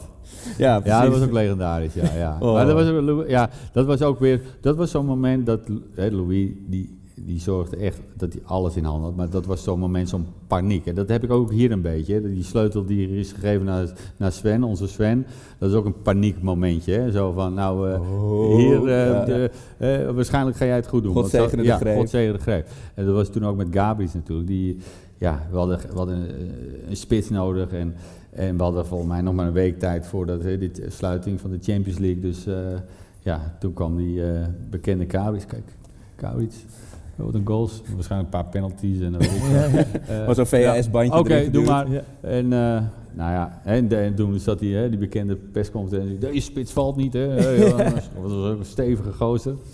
En toen de eerste training, wij hadden gespeeld en hij kwam eh, zeg maar op eh, zondag of zo. Wij hadden, of, of hij kwam op maandag en wij hadden, wij hadden gespeeld. Dus wij hadden uitlooptraining en hij ging nog wat extra doen. En toen was Fred Grim was de, de, de tweede keeper, ja. zeg maar. En, dus hij was aan het afwerken, maar het was een beetje, wij zaten zeg maar in de meer, had je de- die kleine raampjes. Ja. En hij was aan, helemaal aan, het, eh, zeg maar, aan de, aan de tramkant Ja. kant zeg maar, aan het spelen. Dus ik kon het niet echt goed zien. Dus eh, wij eh, tegen, eh, tegen Fred. En Fred, want we waren ook wel, ja, wij wilden ook wel een goede speler hebben. Zo. En Fred, hè? hij zegt, ik weet nog steeds niet welk been eh, zijn goede been is. Killing. Killing al. Nou, ja, toen eh, t- die bekende wedstrijd tegen NEC NEC. uit. Oh. En toen, eh, ja, NEC toen gaf mijn ja. broer die bekende eh, quote van... Welke goal heeft deze speler gehaald? Want die lag alleen maar op zijn reet tegen Kees Lok. Hè. Die heeft eh, Ja, geen bal ja. gezien. eh, 2-0 en eh, ja. ja, het was echt eh, verschrikkelijk. Ja, Is dat ook vertaald voor hem of niet? Nee, nee, het was een hele aardige. En het grappige is... nee, het, het Oh. grappige is, ik kwam toen eh, het WK... eh, 98? nee, in 2010 in Zuid-Afrika. Oh, ja. Eh, zat ik met Batistuta en die had ik in Qatar meegemaakt. En, eh, en hij had een goede vriend van hem, dat was een zaakwaarnemer. En daar kwam ik mee aan de praat. En we zitten lekker te praten en te eten. En op een gegeven moment zeg ik, ja, ik was de zaakwaarnemer van Gabriel. ik, zeg, ik zeg, ho even. Ik zeg, mag ik even uw hand schudden? U zegt, dan bent u de beste zaakwaarnemer van de hele wereld. Als u voor dat bedrag hem kunt verkopen en daarna ook nog eens... Hè, want hij ging toen ook nog eens eh, naar eh Extremadura geloof Oh ik. ja, Voor ook een Spanje, aardig ja, ja. geld. Ja. ik zeg, nou, jij bent echt de beste zaakwaarnemer ooit die ik mee heb. ja, mooi vent. Maar toen, toen was het nog ook, weet je, als het één speler is of twee, dat is het Natuurlijk, dat is het verschil Ja. met nu. Ja. Dat is het verschil met nu. Als Ja, dat- kijk, ja. dat, zei, dat zei ik laatst bij de ABA, eh, een businessclub van Ajax. Moest ik een woordje doen. Kijk, het voelt niet jouw Ajax. En kijk, als die jongens nu eh, die twaalf voorbij lopen, heb ik er misschien drie goed, wie, hè, de naam. Ja, dat zegt al een beetje over eh, dit Ajax. En dat doet pijn. En eh, nogmaals, hè, niks tegen die jongens. Maar dan denk ik van, ja dat klinkt, ja nee, maar ik bedoel, ik vind het... Met alle respect. Met alle respect, nee, maar dat vind ik een heel slecht woord. Maar, ik, vind, ik heb niks tegen die jongen, want ik wil het is geweldig. Nee. En, eh, Nee, zijn maar waarschijnlijk hele leuke gasten ook, maar dan denk ik van, ik, ik, we- ik ken ze niet. Nee. Nee. En dat is pijnlijk. Een vriend van mij die werkt bij de Nederlandse loterijorganisatie. Die, die ze hebben af en toe op kantoor komen er van die mensen binnen die net miljoenen hebben gewonnen. En, Ja. en hij zei ook, die blik op die mensen, hun gezicht is een beetje van die spelers van Ajax. Ja. Die denken, wat is mij overkomen? Ja. Wat doe ik hier? En dat voor vijf jaar. Maar jij bent, jouw huidige rol is, is talenten klaarstomen. Ja. Ja, voor welke club dan? Met alle is Nee, nee, maar dan Ja. voor Ajax. Ja, Eh, ja, maar, ja, eh, onder 17, onder 18 Het ja. positieve, daar Ja, zit, jij, zit zei laatst tegen van, er zitten echt eh, Nee, er goede zit een talenten goeie. tussen. Maar dat is ook weer zo'n, eh, bijvoorbeeld met Missing dat, dat hij bijvoorbeeld Forbes haalt. Hè. Dat, want zijn huidige, zijn echte positie is linksbuiten was Ja. het. Hè. Kijk, hij, ik vind dat hij best goed rechtsbuiten doet. Maar linksbuiten, Nou ja, daar hebben we onze allergrootste talenten rondlopen. Dus eh, van eh, Guts tot, eh, je had Bergwijn al lopen, Ja. maar dan heb je Guts, dan heb je eh, Coloco, dan heb je Stanisy Dumbo, dan heb je Kaden Wolf, Amaricio van Dongen. Zelfs hoe heet het, Gabriel Misoy kan daar spelen. Dan denk ik, Met dat- zes linksbuiten dat zijn zeker, prima... dan denk je, Ja. ja, ik wil, daar, als ik in het bestuur had gezeten, dan had ik daarvoor gestaan. Ik Ja. van, we gaan dat niet doen. Nee. We gaan geen jongen voor 16 miljoen halen die, eh, ook ne- die, net, die 19 is en onze grootste. Wat is dat voor signaal naar onze jeugdopleiding? Ja. Dat had ik echt niet gedaan. Kijk, als dat, dat je, vijf, wat we het over hadden, als je er vijf toppers had gehaald en je denkt, nou ja, dat is even een gokje, omdat Ja. hij, hè, die komt er echt goed uit en dat, eh, dat is echt misschien dat, dat ruwe diamantje. Maar ja, dat, en nu had je al zoveel spelers, maar die is best wel laat gehaald natuurlijk. Ja, maar is, daar zit daar niet de grootste crux in alles? Dat en niet vanuit het bestuur of vanuit de clubleiding of de FC, wie dan ook, iemand zegt van, hier op dat moment zegt van luister, deze jongens Ja, hebben het allemaal lopen en we hebben het, onze record aankoop Ja. van, eh, van 32 miljoen er ook al lopen. Ja.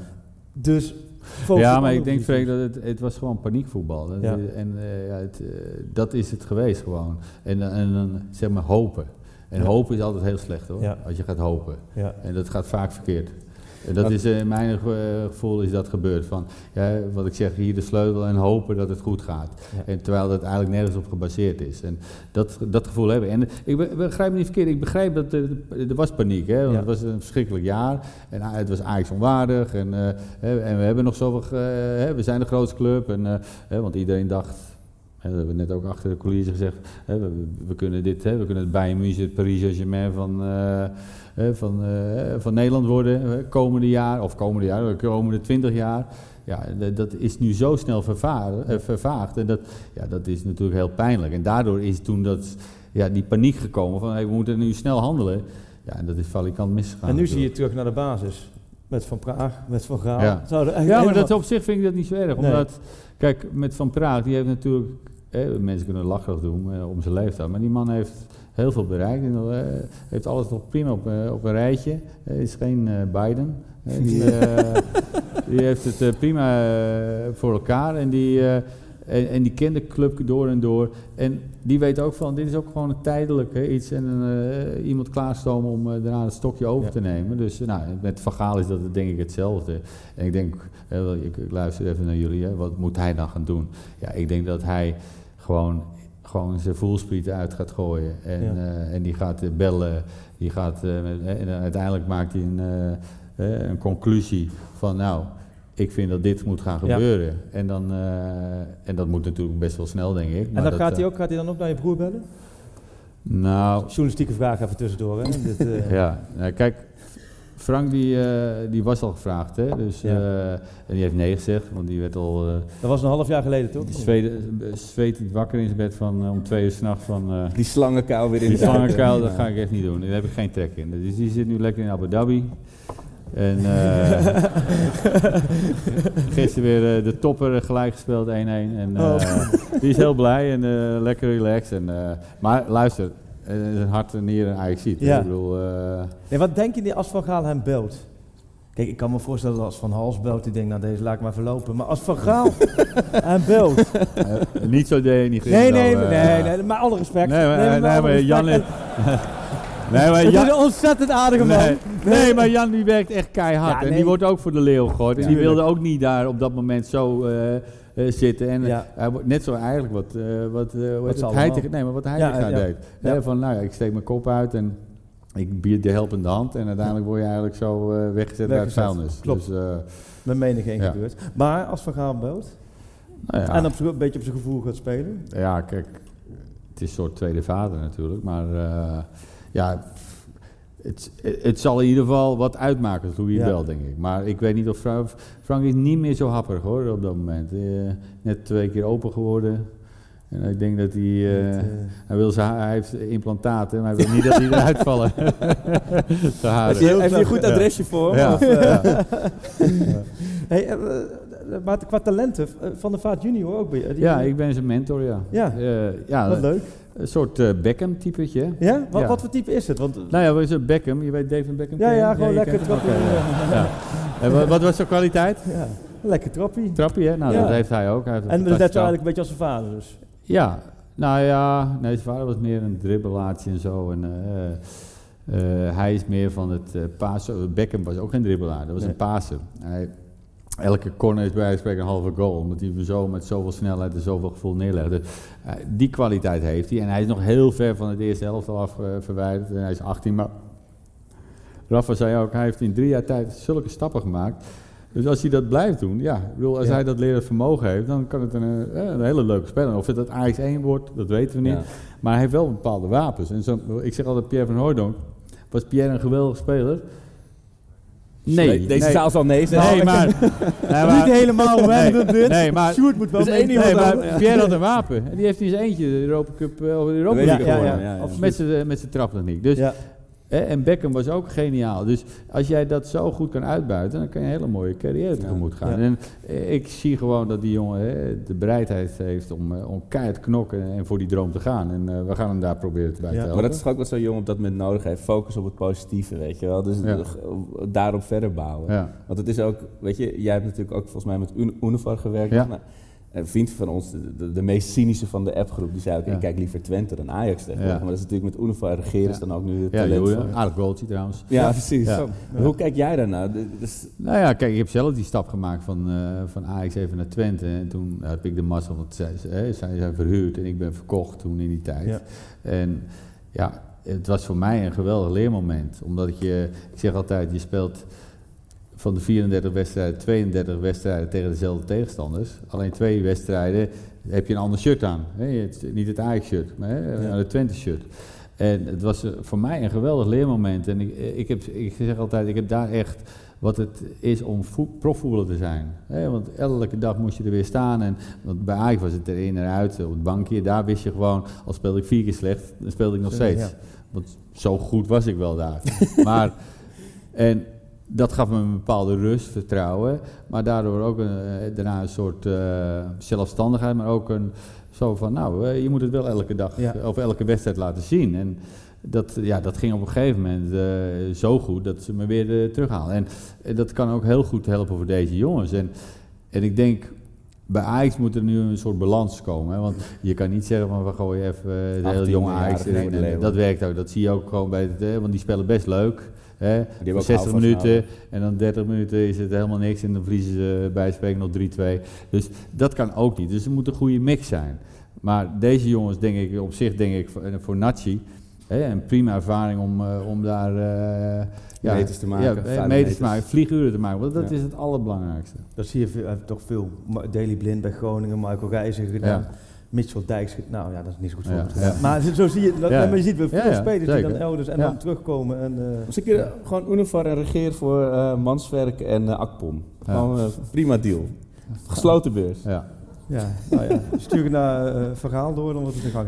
Maar eh, oké, dus we houden ons vast aan ehm verhaal en aan de talenten die eraan zitten komen. Ja.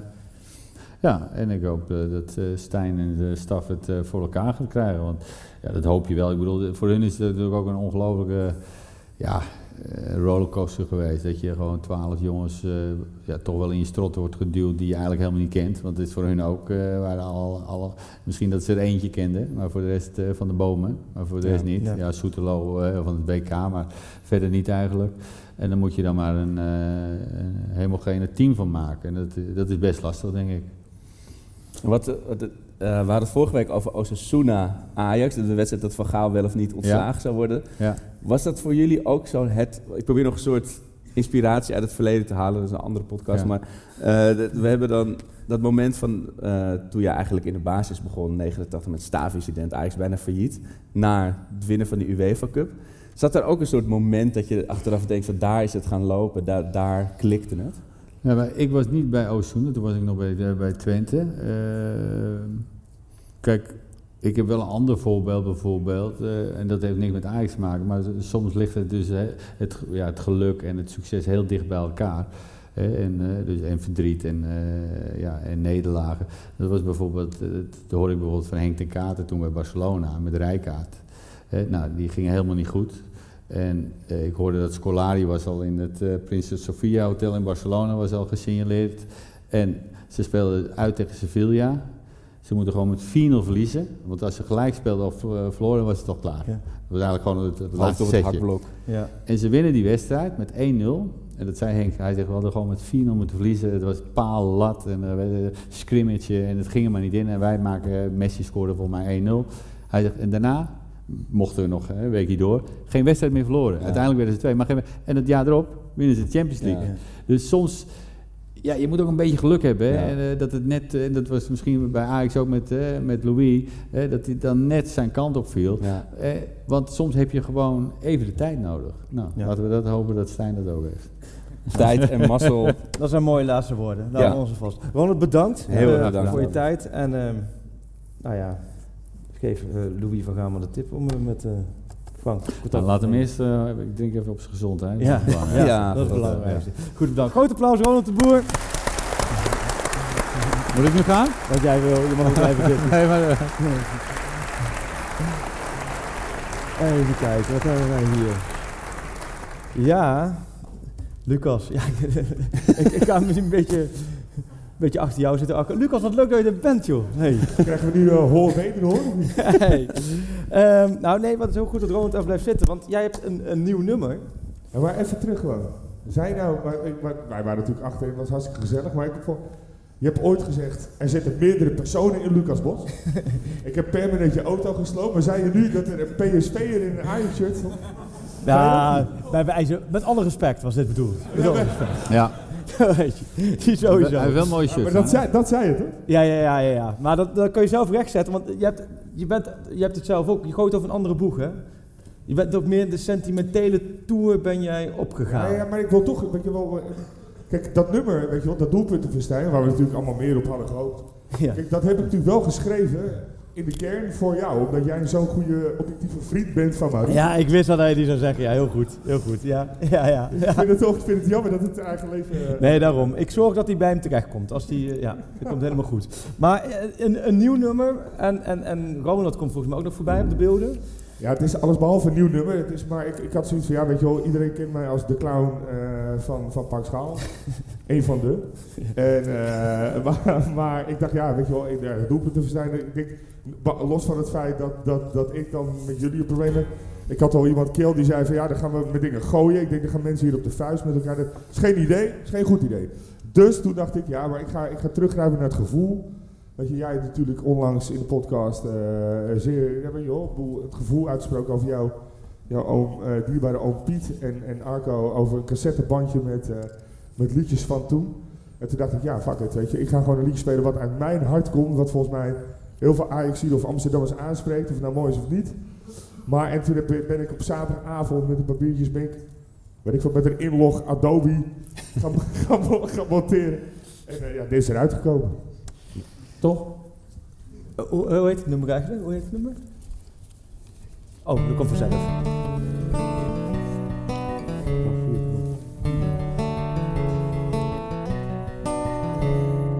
Aan de Amsterdamse grachten heb ik heel mijn hart voor altijd verband. Amsterdam vult mijn gedachten de mooiste stad van onze land.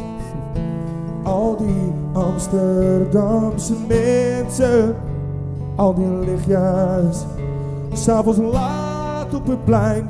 Niemand kan zich beter wensen dan een Amsterdammer te zijn. Er staat een huis aan de gracht in oud Amsterdam. Waar ik als jochie van acht bij grootmoeder kwam. Er zit een vreemde meneer in het kamertje voor. En ook die heerlijke zolder, die werd tot kantoor. Aan de Amsterdamse grachten heb ik heel mijn hart voor altijd verpand. Amsterdam vult mijn gedachten als de mooiste stad van onze land. Al die Amsterdamse mensen, al die lichtjes, s'avonds laat op het plein. Niemand kan zich beter wensen dan een Amsterdammer te zijn.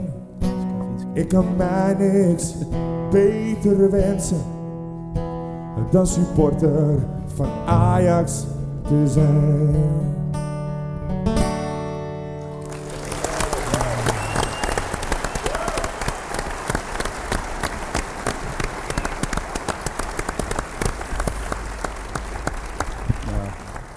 Ooit, Fantastisch, mooi hè? ooit staan we er weer, of liggen we, zwemmen we er weer. Het moet ooit nog in mijn leven gebeuren. Ja, Ooit. Gaat, gaat wel lukken. Drie, vier jaartjes. Even naar onze gastheer, want we zijn in de meervaart vandaag. En eh, nou blijkt dat de directeur van de meervaart ook Oh ja. een ontzettende Ajaxiet is. Eh, mag ik heel even jullie applaus voor onze gastheer Yassine Boussaid.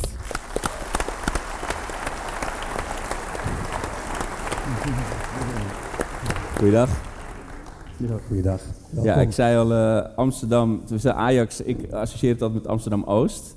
Maar ook in, eh, in West wonen echte Ajaxiden volgens mij. En komen ook echte Ajaxiden hier vandaan, uit deze buurt. Ja, de meeste sportvelden natuurlijk. Heel veel voetbalclubs. Nouri, Ja. eh, Ataibi, Van der Wiel, Ja. noem ze maar op. Dus grote helden in deze buurt, absoluut. Ja. Hey, en eh, toen, we, toen, toen, bleek, toen bleek dat we hierheen kwamen naar de meervaart, toen was al meteen van, de directeur is een echte Ajaxiet. Maar je bent, heb ik begrepen, net zo'n emo Ajaxiet als ik. Hoe gaat het nu met jou? Nou, eigenlijk heel triest, om eerlijk te zijn. Ehm, ik hoor heel veel mensen spreken over hoop, maar ik ben niet zo hoopvol. Ik zei net ook al bij de introductie, ik ben echt bang dat Ajax een soort HSV gaat worden of Nottingham Forest. En dat zeg ik niet zomaar. Kijk, vroeger eh, won je wel van, van Feyenoord met 4-0 of 3-0. Maar eh, dat gebeurt nu ook niet. Ehm, dus ik maak me echt grote zorgen. Als je zoveel geld hebt en eh, je hebt zoveel slimme mensen in deze stad wonen, denk ik, kom op man. Als je dan geen beleid kan voeren met zoveel talent, dan moet je je echt diep, diep, diep schamen. Dat meen ik echt. En hoe is het dan voor jou? Want je, ja, precies. Zo voelt het, hè? Ja. En dan zie je al die bestuursproblemen en dan de directie worstelen. Hoe is het dan voor jou om, als, je zelf directeur bent, dat je, dat je denkt van, oh jongens, kom op. Nou ja, het trieste is, hoe kun je nou van dickpics naar dit vervallen? Als er wat met mij gebeurt, ik hoop het niet, ik ben nu een beetje ziekig, maar als ik morgen me ziek meld, dan staan hier gewoon mensen aan het, zijn ze gewoon aan het werk. En ik snap gewoon niet dat je, eh, meneer Overmars heeft natuurlijk allemaal draaiboekjes in zijn hoofd, maar je moet je gewoon je macht kunnen overdragen, zo simpel is het gewoon. En er wonen zoveel slimme mensen hier in Amsterdam, mensen met een groot Ajax-hart, met heel veel culturele achtergronden, heel veel economische achtergronden. Zet ze bij elkaar en ze gaan beter beleid voeren dan wat we nu gezien hebben. Dus ik snap het echt niet, dat meen ik echt. We vallen terug op, eh, nou, met alle respect, ik noem het eh, niet fossielen, maar mensen die gewoon op grond van naam overal binnenkomen, dan ineens over Ajax praten. Maar ik denk, hoeveel andere mensen heb je wel niet in deze stad wonen, die ook bedrijven hebben opgezet, die ook heel hoog in de boom staan, die ook in de advocatuur zitten, in de muziek, in de mode. Waarom nodig je die niet aan tafel uit? Misschien hebben zij wel betere oplossingen voor Ajax. Ik snap het gewoon niet. Ja, never, never waste a good crisis, zegt ze. Dit zou wel het moment zijn om terug te gaan naar de basis, terug te gaan naar eh, een, nieuwe, een nieuw begin. Wat, eh, wat, wat hoop jij, wat is jouw, nou ja, hoop Nee. zeg je heb je niet, maar wat is voor jou de wens? Nou ja, kijk, ik, ik had wel gehoopt dat je een heel mooi geraamte had gehad dit, dit seizoen. Je had Saruki, je had Timber, je had eh Cherny, je had eh, allemaal dat soort voetballers. Dat Ajax gewoon kunnen kopen. Hè, eh, Unahi, de ster van het WK, waarom niet? En dan kijk je nu naar Ajax, denk ik, ja, het is gewoon een vreemdelingenlegioen. Ik, ik herken ze niet eens, ik weet niet eens wie het zijn. En ze snappen gewoon niet wat, wat er op het podium, of, nee, podium wat Ja, op dat gebeurt, podium, Maar ja. Voetbal is ook een podium, hè. Ja. En als je het dan niet snapt dat je echt voor je, voor je knaken moet voetballen, maar ook voor je eer moet voetballen. Ik zag gisteren Barcelona, die speelde gewoon echt de pollen van het veld. Omdat ze met 2-0 achter stonden. En het liep niet, maar ze gingen er vol gas in. Het is niet alleen maar kwaliteit, maar het is ook echt mentaliteit. Dus niet alleen maar of je heel goed met het voetbal eh, bezig bent, maar juist dat je echt mentaliteit toont. Dat je zegt, hé, hey, ik speel voor Ajax, dit gaat gewoon niet gebeuren vandaag. Ja. Ja, en jij, jij, als, jij, jij programmeert hier in de meervaart natuurlijk ook. Je hebt dan de toppers, de, de grote namen. En de wat creatieve, gekkere namen ertussendoor. Eh, zoals wij die er dan opeens ook eh, mogen staan. Maar eh, ja, Jullie zijn wel toppers voor ons. Op maandagavond met dit mooie publiek, op. Ja. nee. Maar ja, jij zegt dus meer creativiteit, meer durf in achter de schermen bij Ajax. Nou ja, ik bedoel, meneer De Boer die kent Clarence Seedorf. Iedereen heeft er wel een mening over. Maar waarom is hij gewoon niet de baas van Ajax? Geef hem de kans. Eh, waarom niet? Bogarde, Wegge, Bonjour, Reiziger. En ik wil het niet op het kleurtje gooien. Het gaat mij meer om van representatie van deze stad. Ik ben een geboren Amsterdammer met een niet-Nederlandse achtergrond. Maar ik wil ook kijken van niet alleen maar representatie op, op het veld, maar gewoon al die gasten in die skyboxen, man. Ja. We hebben ook gewoon een Ajax-hart.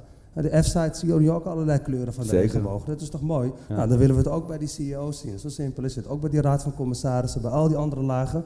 Want het lijkt gewoon een eh, politieke partij nu. Ja, een hele... Wa- waren we maar een politieke, politieke partij, dan kon je stemmen. Maar eh, nee, maar ik, ik hoor wat je zegt. Die boodschap is duidelijk, man. Dankjewel. Nou, het doet pijn, maar we houden hoop. Blijf naar de meervaart komen. Heel mooi. Dankjewel. Dankjewel, dat zijn mooie woorden. Kwam uit je hart, dankjewel. Ehm, ja, we gaan, we gaan voor een beetje gekke wissel eigenlijk. Maar onze volgende gast, daar is hij. Chris Segers. Ja. Bordje, Chris even het bordje, Oh, potje gewoon. even wissel. Moet ik een stoeltje Chris bij? Segers eh? van Ronald de Boer. Ja. Is dat- Had je ooit Had je dat ooit verwacht verwacht? Succes hè. Dankjewel, Ronald. Eh, ja, Oh, nou, dames en heren. Zo, Chris, wat heb je allemaal mee, joh? Ja, Ja, ja. een pontje in elkaar gezet hoe eh, nou ja, het is wel een moet Wissel met. Ronald, dat is natuurlijk wel uniek. Ik heb één keer met, eh, met Jantje van Halst gehad. Eh, maar dat, eh, ehm, dat was een wissel op school. Weet je wel. meer, meer aan de tafel, aan de, aan de klaverjastafel. Hoe bedoel je? Nou, ik zat met Jan eh, op school. Met Jan van Halst? Ja, van Toen hij Halst nog is haar had? natuurlijk, eh, die passeert natuurlijk ook heel veel de revue mo- momenteel. Ehm, maar wij speelden samen, we kwamen allemaal, eh, allebei uit Zeist. En, eh, en Jan, eh, Jan kon echt voetballen. En ik dacht dat ik goed kon voetballen. En ik nou, we wilden allebei profvoetballer worden. En ehm, die droom die was heel levendig voor mij. Totdat ik met hem op school kwam. En toen bleek dat hij ja, in de pauze schoot een keer de bal naar me toe. En ik liep met een boterham, weet je, zo'n klef broodje kaas. Loop ik over het schoolplein. Ik was, volgens mij was ik alleen en hij liep met een vriendje. En eh, hij had een bal bij zich en hij, hij schiet die bal naar mij. En hij zegt, zo Zegers, jij denkt dat ik kan voetballen? Schiet, schiet hem eens even recht terug. En ik, ik, ik, ik werd gelijk nerveus, weet je wel. Ik weet niet hoe ik schoot. Ik denk niet, niet, niet super strak. Is dit alles wat je kan?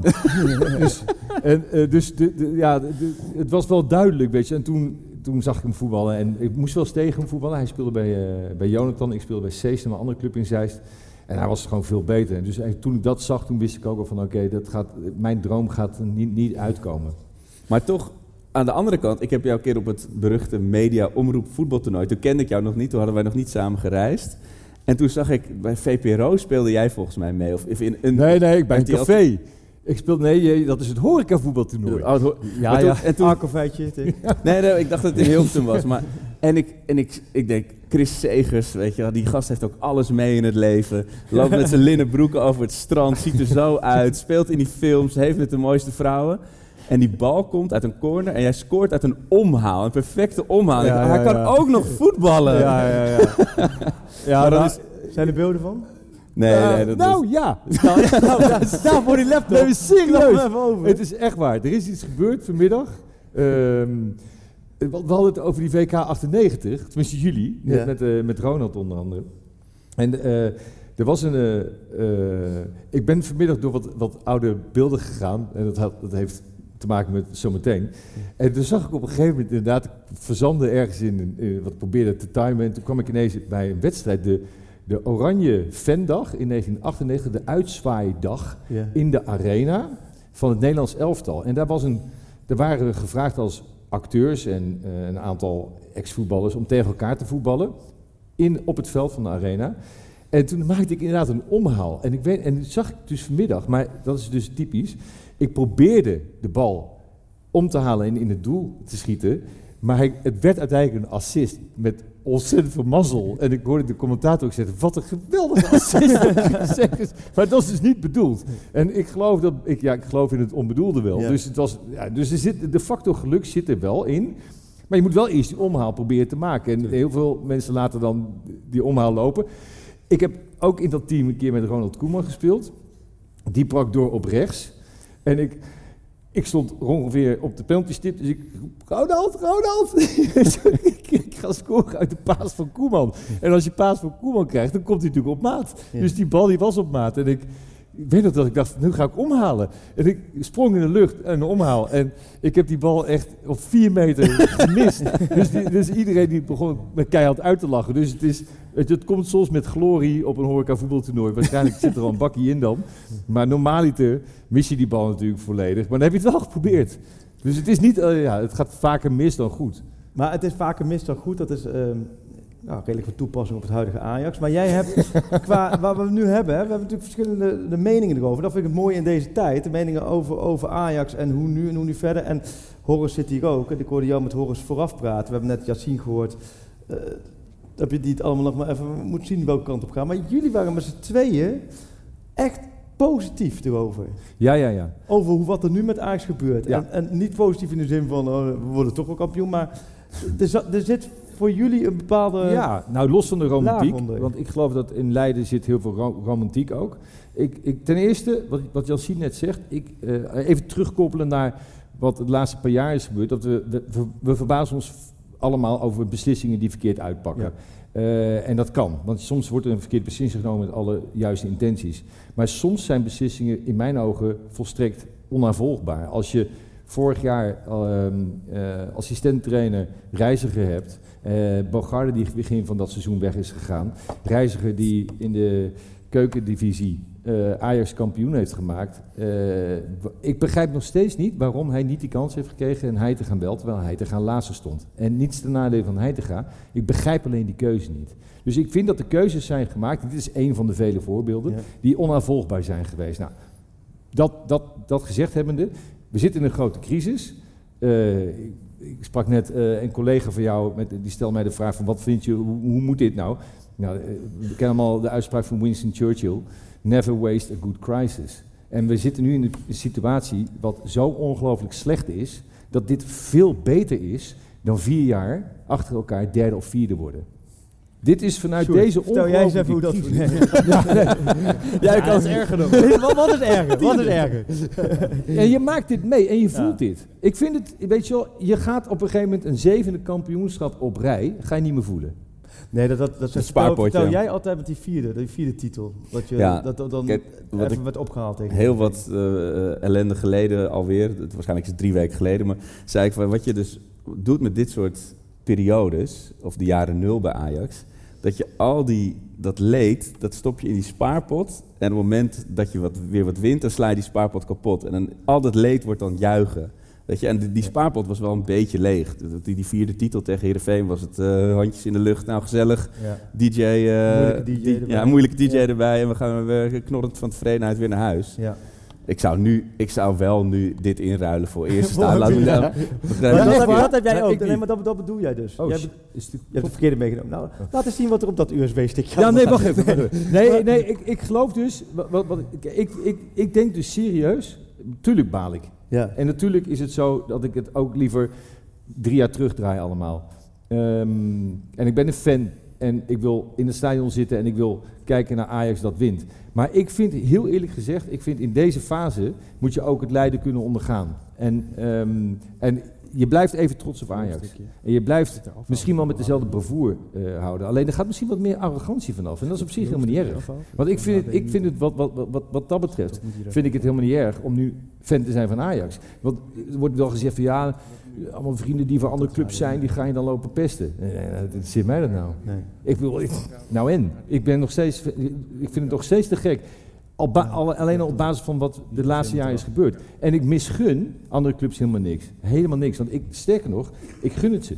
Ik vind het fantastisch als andere clubs ook een kampioen worden. Dat Maar- niveau maar van verlichtheid heb ik nog niet bereikt. Ja, maar, ja, maar er, zit, er, er zit juist veel meer plezier ook in voor Ajax zometeen weer. Dus ik, eh, en de- deze hele crisis, heel eerlijk, het is ook een verhaal, man. Het, wat, Ja, wat nee, me- dat- het is toch ja. ook iets, wat, er gebeurt toch iets waarvan je denkt van, maar wat, wat gebeurt hier nou? En het is super interessant. Ik vind het echt interessant hoe misleid dat kan zijn aangesteld. Hoe dan? Weet je, wa- wat is er gebeurd? En ooit gaan we erachter komen. Het is natuurlijk te bizar voor woorden dat Alex Kroes anderhalf jaar geleden gebeld is. Toen hij bij Go Ahead zat. En van oké, deze man, dat moet een nieuwe eh, technisch directeur worden. En ergens is hij nooit meer teruggebeld. ergens, en, en wie heeft dat bepaald? Hij is naar AZ gegaan en ineens wordt hij gebeld. En dan moet hij algemeen directeur worden. Het is, het is onafvolgbaar, maar het is super interessant. Het is een verhaal. En, dat, en, jullie zijn het aan het uitpluizen met, met, met z'n allen. Maar daar kom je er ook niet achter. Je zit op de bal. Nee, Nee, en ook dus- omdat het zo ontzettend eh, deels amateuristisch is en deels een schimmige wereld is, dat, dat je ook denkt, sommige dingen denk je, hoe bestaat het? Ja. Maar dit, dat, dat gebeurt in de voetballerij. Dat, Maar- dat, dat, wat jij zegt, het niet terugbellen, dat is ook iets eigen van Ajax geweest. En het gekke is, bij Overmars viel dat vaak nog wel goed. Ik weet dat Peter Bos, die vertelde zo mooi, vlak voordat hij bij Maccabi Haifa of Maccabi Tel Aviv tekende, kreeg hij uit het niets een appje van Overmars, ja, een, een- echt een appje van Overmars, met daarin, voordat dat even, dan is, dan is dat gezegd, met, met daarin, zorg dat er een clausule in zit dat je naar Ajax kan. En hij kwam, volgens mij van Vitesse, ging hij naar Uit het niets. naar En toen stuurde eh, eh, Peter Bos terug, waarom? Nooit antwoord. maar hij deed wel de clausule erin zetten. En wat gebeurde er een paar maanden later? Ja. Ajax eh, ging Bos halen. En door die clausule ging hij naar, ging Ja. naar Ajax. Maar ik Pas vind, vind, vind, vind die zo'n rare. Ik vind het een beetje een rare vraag van Bos, of niet? Ja, waarom? ja, je moet niet vragen waarom. Je moet gewoon altijd een clausule voor Ajax Nee, als maar iemand ja, uit het niets... duidelijk. Nee, maar niet maar pas weer. Die wilde zijn contractverlenging bij, bij Vitesse. En die kreeg echt... Dat, was, dat, dat had Overmars in de media gelezen. En die had ook een appje gestuurd van... eh, niet verlengen, Remco. Dus hij stuurde ook goede appjes. Is hij, eigenlijk kijkt onder je de, hij zegt. kijkt onder de tafel. maar wat doet hij? Inderdaad, eh, hij vraagt ook waarom. Nou, ook waarschijnlijk. Maar een week later wordt wel voor je zaakwaarnemer... eh, Ja, nee, Ajax wil je hebben. Dus Ja. er zit iets... Dat, en dat viel natuurlijk heel vaak bij Overmars wel natuurlijk goed, die manier. Ja. Omdat hij ook die, dat aanzien had. Maar met Kroes, daar blijf ik bij. En vandaag ook gehoord, nog steeds blijft het super onduidelijk...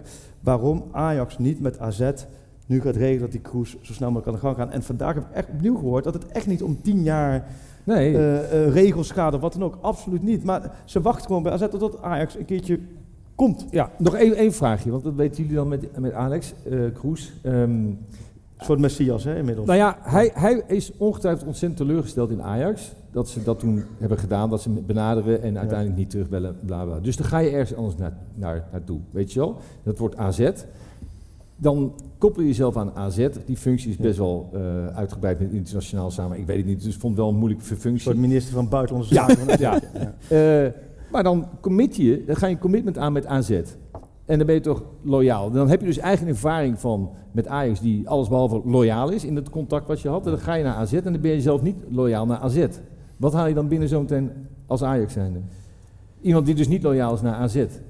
Nee, maar wel Ja, ja, onwijs ik graag vind bij dat Ajax wil werken. Wel gewoon, en, en bij Ajax, ja. En ik begrijp dat je voor Ajax Ja. wil werken, dat willen we allemaal. Nou. Maar ik, nou ja, die, ik kan me er wel een paar andere dingen voorstellen. Nee, maar ik ja. vind, ik bedoel, ik, ik, ik, ik, ik bedoel, ik weet dat deze man al jaren bij Ajax Ja. speelt in zaterdag 5, Ja. et cetera. En ik geloof, het is een intelligente man met een ongelooflijke kennis en ervaring, weet je wel. Dus eh, ik denk dat hij goed is. Ik vind het alleen wel heftig dat je dan tekent bij AZ en dat op het moment dat Ajax komt, want je hebt dat, die, die, die clausule, Ja. had je, dan had ik van tevoren gezegd, oké, ik teken bij AZ, maar ik heb zo'n droom bij Ajax te werken. Het zat bijna goed al, regel dat dan en wees daar open in. En nu Ja. wordt AZ verrast. Ik vind het best wel heftig. Ja, net zoals ook met Slot en, eh, en zijn staf eh, natuurlijk gebeurde. Ze zijn een beetje het brave jongetje van de klas die altijd zijn huiswerk doet. En eh, gewoon altijd prima sevens haalt. En dan komen die, die, die, die Ajax en die Feyenoord. Oh, ik heb niet geleerd, mag ik even je huiswerk overschrijven? Ja, nou, ik weet niet. Ik heb er eigenlijk best wel hard voor gewerkt. Dat is natuurlijk... Weet je, Ja, die ging dan zo zitten. ja, AZ is eigenlijk altijd zo Ja, te doen. Ja, Ik, had ook, ik zat ook naast een jongen die heet Jelle heette. Die deed dat ook. Oh, wat was ik boos op die gast. ik had een Frans Ja. vriendje, of die had een Franse moeder. Daarmee had ik een goede afspraak. Hij, David was Met die dat? moeder. Nou ja. Nou, die hij sprak vloeiend Frans, maar hij was ontzettend slecht in Nederlands. Dus we hadden gewoon een deal van, Hij doet Joh, Frans, jij, ik zeg dat Ja. Nederland, dan krijg je een plaatje en terug. Dus ik had een 9 voor Frans eh, in de vierde en toen liet ik het vallen. Eh, weet je, uit mijn vakkenpakket. Toen kwam die Franse leraar. Ze zei, ik begrijp niet, hoe kan je nou? Die staat een 9. Quit while you're ahead. Ja, Maar- laten we daar maar niet over uitweiden. Even waar we wel over uitweiden. Ja, ik wat, heb wat kom je doen? nou ja, dat sowieso, dat is sowieso hartstikke leuk. Als vriend van de show, fantastisch dat je er bent. Die- waarom heb je de laptop meegenomen? Nou, ik, het, is, het heeft te maken met... eh, eh, ja, ik had, eh, Ja, ik ja. had eerder een Oh, anekdote ja. verteld. Eh, eh, natuurlijk eh WN 95. Ja. Zijn er mensen die, die, iemand in het no Die noor- 16 noordelijke keer. halfrond die dit verhaal niet kent. Oké, die, is, die is al, die is al één op één. Ja. Dus, eh, en toen heb ik ergens volgens mij ook het verhaal een keer verteld. En sorry trouwens, Freek, dat als, Nee. jij, als jullie ons, mij, mij bellen.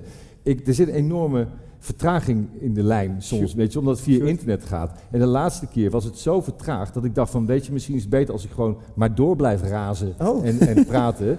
Want ik weet niet precies wanneer je wat zegt. En, dus, en toen hoorde ik jou op een gegeven moment in paniek zeggen, Chris, stop, stop, stop. en dat heb ik later ook in de podcast teruggehoord. Van, oh, damn, ze hebben het ook niet uitgeknipt. Want ik bleef maar doorgaan, er was geen gat meer te vinden. Dus excuses daarvoor. Ehm, maar het was, ik heb toen een anekdote ooit verteld over dat ik profvoetballer ben Ja, geweest nee, in Singapore. Dat, dat dat weet ik, heb het in mijn voetbalteam even gecheckt. Dat kennen weinig mensen. Ik weet hem ook niet eens meer precies. precies. Echt niet?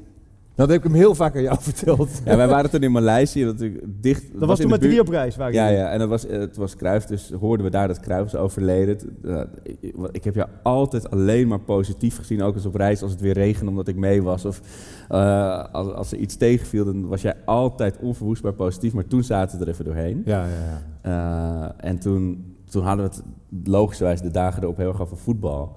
En toen hoorde ik dus voor het eerst, eh, want ik wist dus dat jij goed kon voetballen, maar niet dat je ook echt prof bent geweest. Ja. Jij bij Utrecht in de jeugd voetbald. Nou, ik was gescout. Maar ik ben niet, ik- ja, ook De brief, verhaal. de brief is nooit aangekomen. Nou, echt serieus. Ja, het is echt heel erg. Ik was met twee jongens gescout van de club, eh, door Leo van Veen. ja. En eh, eh, dat hebben we twee maanden pas daarna gehoord, omdat onze amateurclub het niet eens was met het beleid van het Utrechts jeugdplan. En dat met moverende redenen, weet je wel, maar dat vonden zij goed en Ja. eh, misschien hebben ze daar gelijk in gehad. Alleen voor mij was het, eh viel mijn droom in duigen, want dat was de kans om bij Utrecht te komen. Eh, en toen ben ik de volgende dag heb ik mijn coach gebeld dat ik stopte met voetbal. Of nou, een, paar, een paar dagen later. Oh. En, en, dat, en uiteindelijk ben ik dus profvoetballer geworden, jaren later. In en- Singapore. Nou, ik, ik, ik sprak Henk Spaan en die had het eh, gehoord via via. En die heeft gevraagd, wil je dat verhaal voor mij optekenen? Dan kan ik het publiceren in Hard Gras.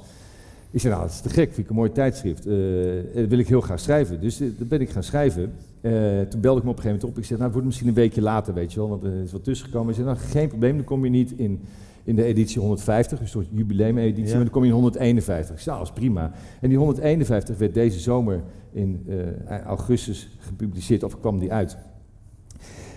En dat is het verhaal. En dit is de. de, dit is de, de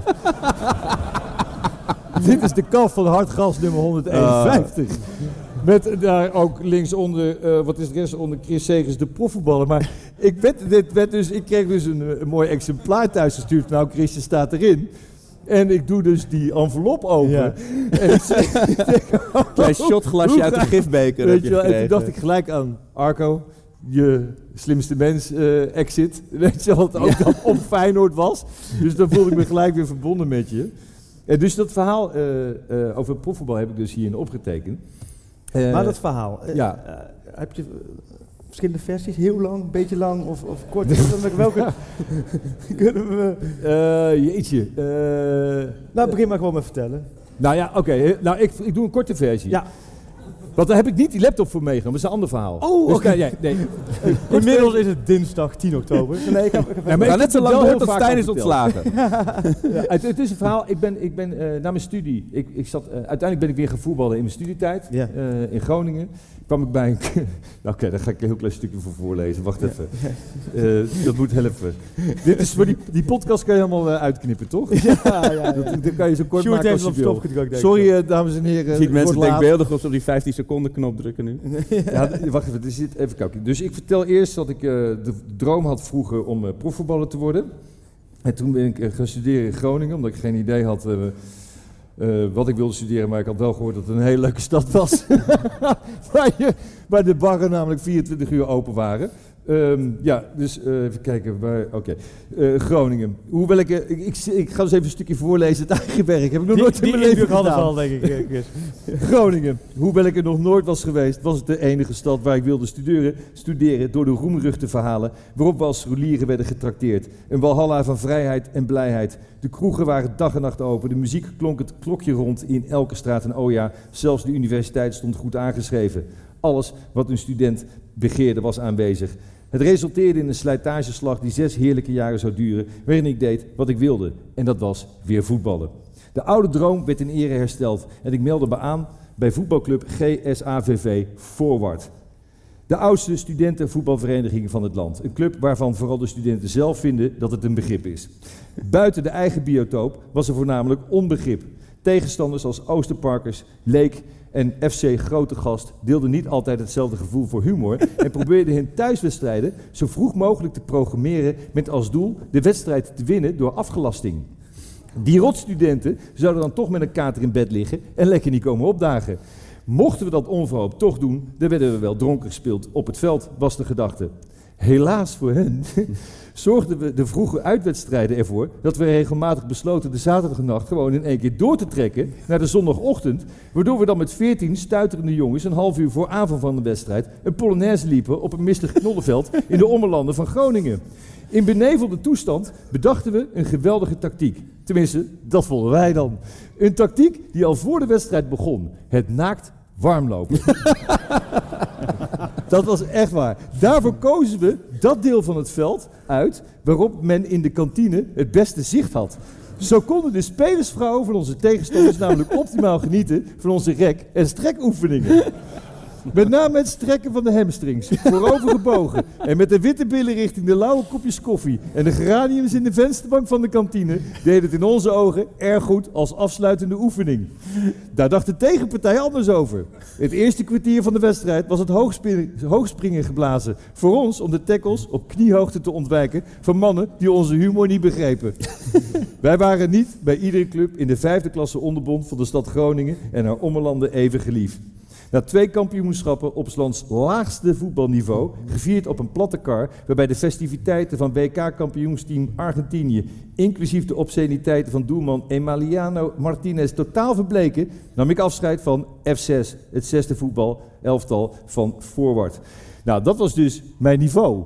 En toen kwam ik in Singapore een half jaar later ongeveer aan eh, en ging ik daar werken. En toen kwam ik op kantoor.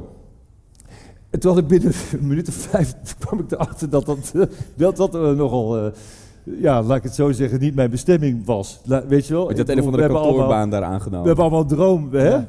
De- Dus, en en, en eh, ik, dat, ik was niet op mijn plek. In Singapore. In, nou ja, in Singapore vond ik zelf wel, Ja. maar dat, dat, die computer met WP 5.1, die knipperende cursor met een blauwe scherm, Ja. daar ging ik van zweten. Ja. Dus eh, ik vond het na een week of drie vond ik het eh, wel eh, tijd om naar een mooi eiland te gaan ergens in de Zuid-Chinese zee. Dat werd Rawa, nou echt tropische wordt het niet. En zo kom ik met een vriendje daar op dat eiland. En op vrijdagavond en de zaterdagmiddag zitten wij op dat hagelwitte strand met een paar Italiaanse jongens die we hadden leren kennen. Het was inmiddels half één. Ik dacht, biertje, weet je wel, lekker. Dus ik haal wat biertjes, ik loop weg en ik kom over een gasveldje. En op dat gasveldje zijn een paar jochies aan het voetballen en een oudere man van een jaar of 55, 60. En op weg naar de bar en hij zegt, doe even mee, maken we twee partijtjes. En het was lekker weer, balletje, jochies van een jaar of tien. Ik denk, lekker voetballen. Dus we gaan voetballen. En hij zegt na tien minuten, hij zegt, wat doe jij? Ik zeg, nou, in het Engels, ik zeg, nou, ik woon in Singapore. En hij zegt letterlijk, letterlijk zegt hij, wil je profvoetballer worden? En die man was Sven Mislitat. Die bal was...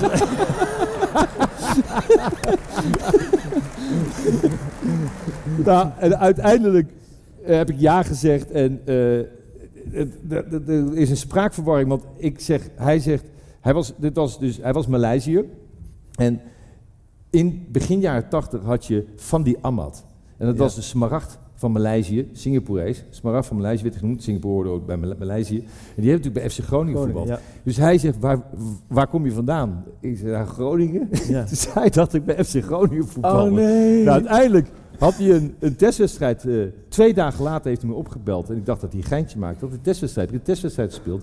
Toen heb ik op goed geluk heb ik een bal in de kruising gejaagd. En het is een krankzinnig verhaal. kan, ik- kan ik ook een stuk uit lezen, maar dan wordt het heel lang. Maar die, toen ben ik profvoetballer geworden. En, maar wat bleek, ik kwam in een goksyndicaat terecht. Want in die tijd, ik bedoel, Chinezen zijn niet vies van een gokje. Nee. En Singaporezen, het zijn Ja. 93% is Chinees, afkomst in ieder geval. Maar eh Lee Kuan Yew, de president toen van eh, Singapore, die eh, was nogal streng, dus een soort dictatoriale staat eigenlijk. En die had het gokken verboden. Dus je kon, je kon niet gokken. Dus hadden ze bedacht, als we nou een voetbalcompetitie starten, dan kunnen we gokken op die uitslagen. Dus ik was net aan boord gekomen van het team toen die competitie startte. Dus als ik een strafschop moest nemen, want ik werd natuurlijk niet als linksback gehaald. dus als ik een strafschop moest nemen, de eerste keer dat ik kreeg die bal, dus ik leg hem neer op de stip. En ik denk, nou, eh, daar gaan we. En toen kwam de rechtsback naar me toe en zei, wait, wait, wait, wait, wait. Ik zeg, eh, waarom? Wil jij hem nemen? Hij zegt, nee, nee, nee, wait, wait, wait. En hij gaf een seintje naar de tribune. Daar zat een mannetje heel hard te roepen. En die kreeg allemaal eh, dollars in zijn hand. en, het- en hij zegt, wait, wait, wait. Hij zegt, oké, now you can take it. Een soort En toen, en toen nam ik de penalty. En ik, ik deed dat ik hem miste. En iedereen juichen.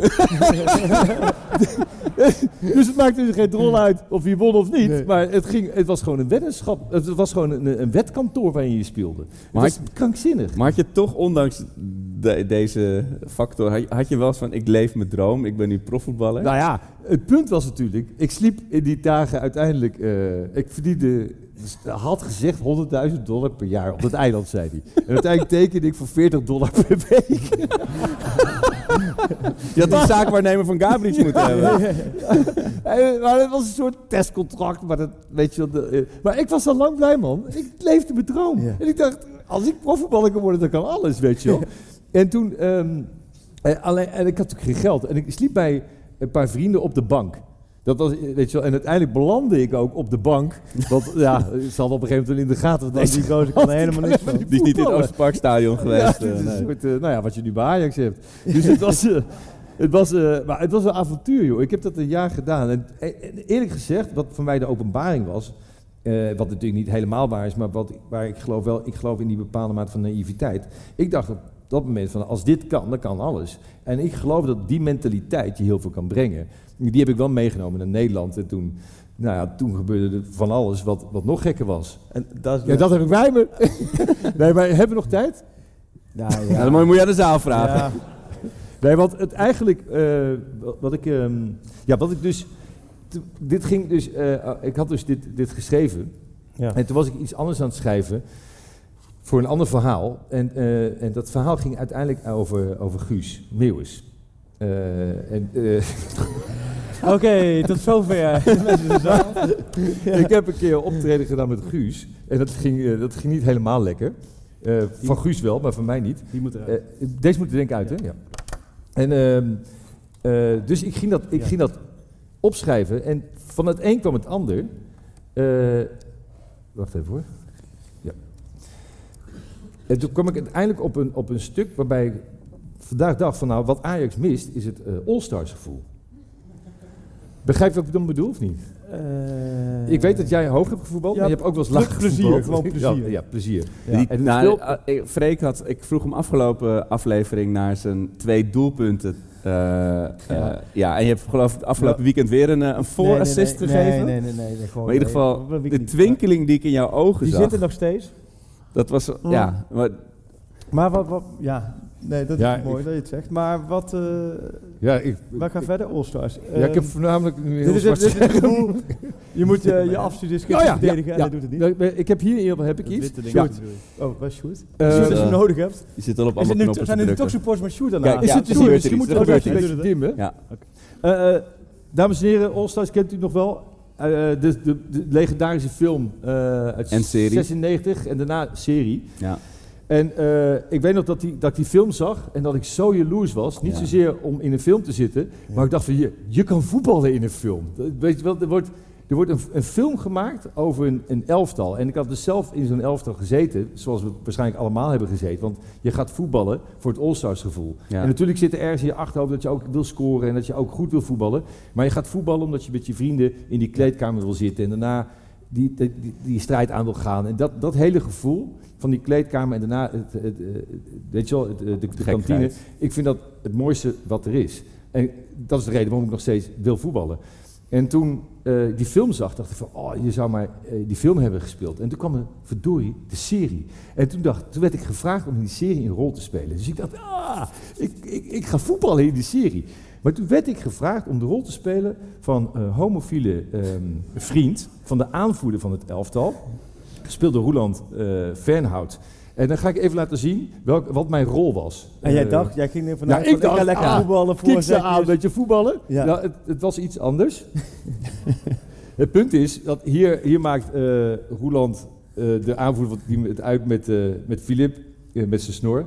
Is dat is echt een snor trouwens? Nee, nee Oh. joh, ik kwam 's ochtends op de set aan. Toen hebben we ons helemaal gek gelachen natuurlijk. Want we hebben eerst vier snoren gepast en we hebben de grootste gedaan. Het idee was, ik ging dus ervan uit, oh, ik ga voetballen in All-Stars. Ja. En uiteindelijk ben ik een spelersvrouw.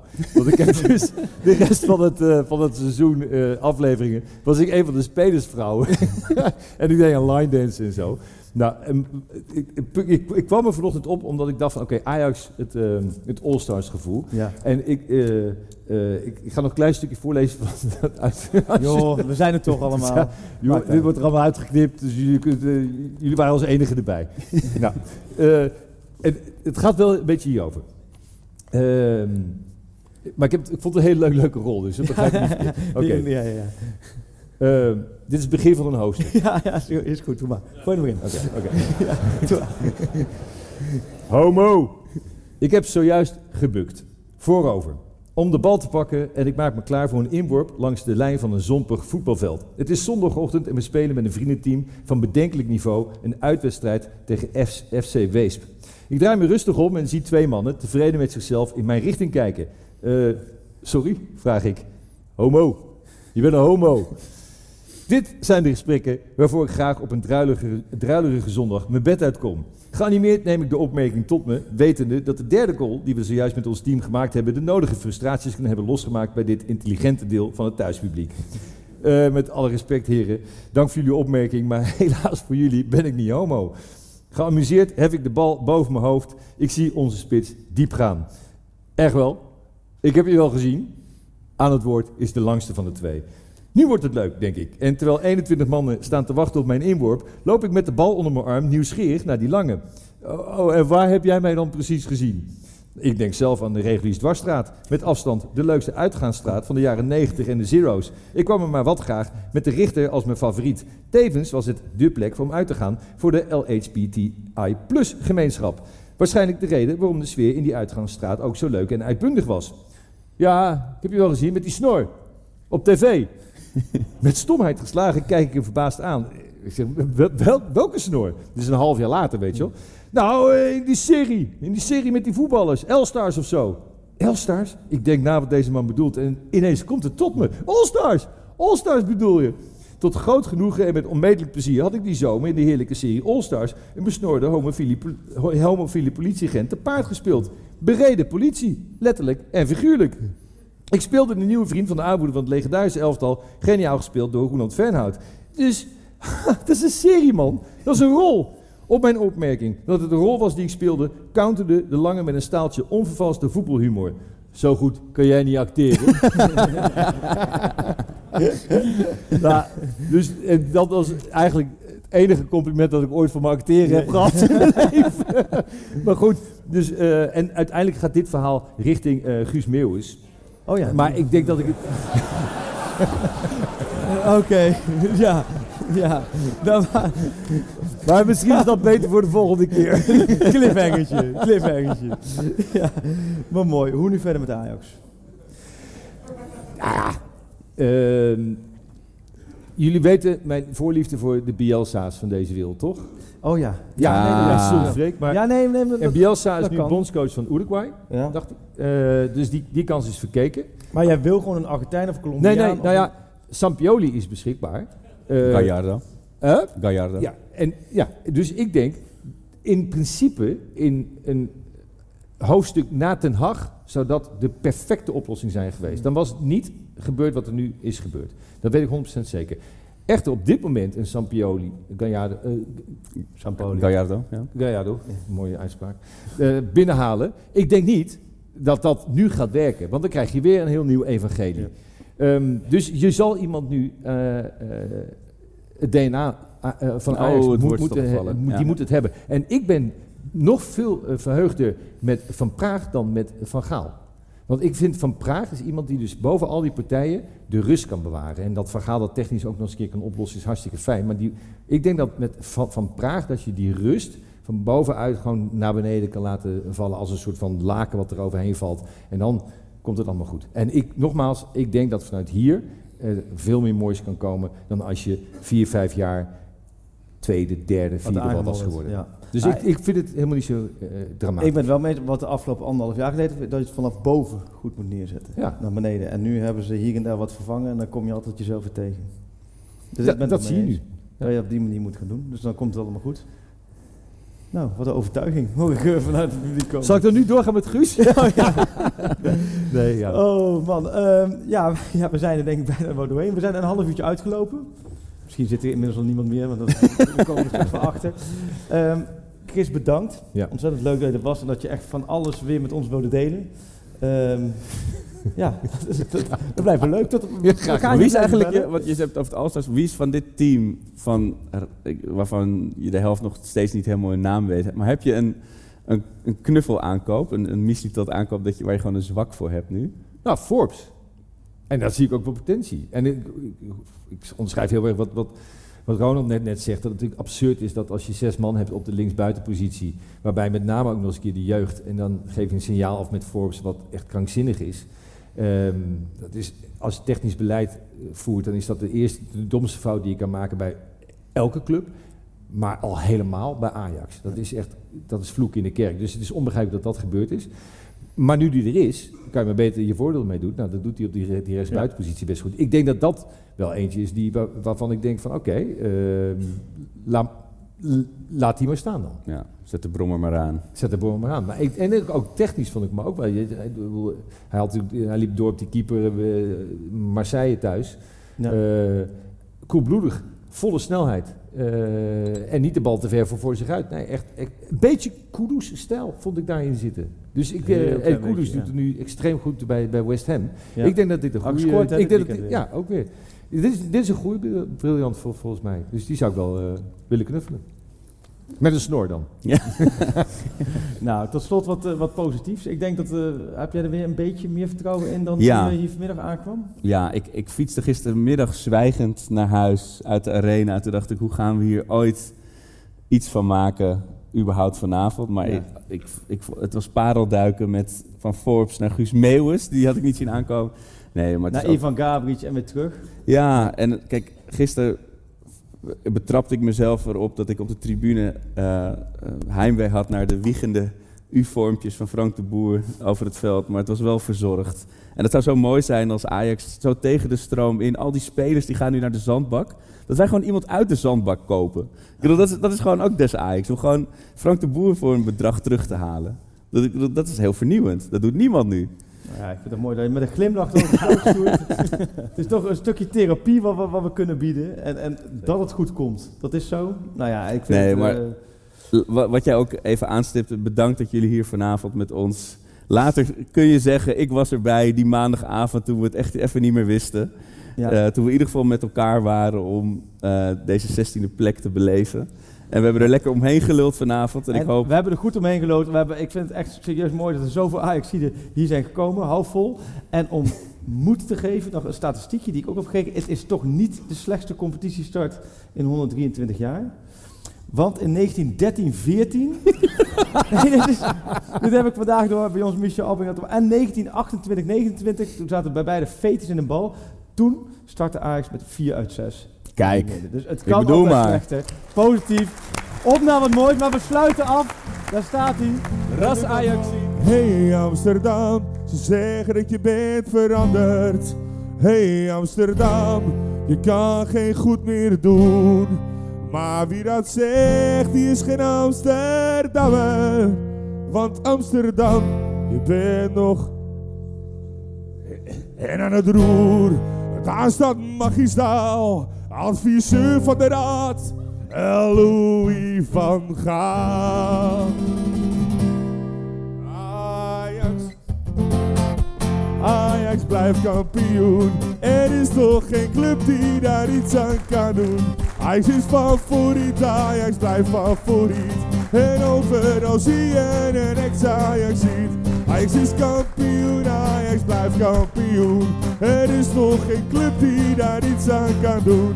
Er is nog geen club die daar iets aan kan doen. Er is nog geen club die daar iets. Ik wil niet naar Spanje en ook niet naar Steen. Ik wil niet de stad ook niet voor een beek. Al geven ze geld toe en dringen ze aan. Ik denk er niet aan om een weg te gaan. Hier heb je alles je hartje bekoort. Ruzie en inbraak en soms ook een moord. Je krijgt op je karnes, je fiets wordt gejat. Maar wat moet je doen nou? Ze mogen niet uit. Want Amsterdam is voetbal op de stoep en haat in de straat. Je bent op je hoede voor als avonds laat. Maar dansen bij Jansen.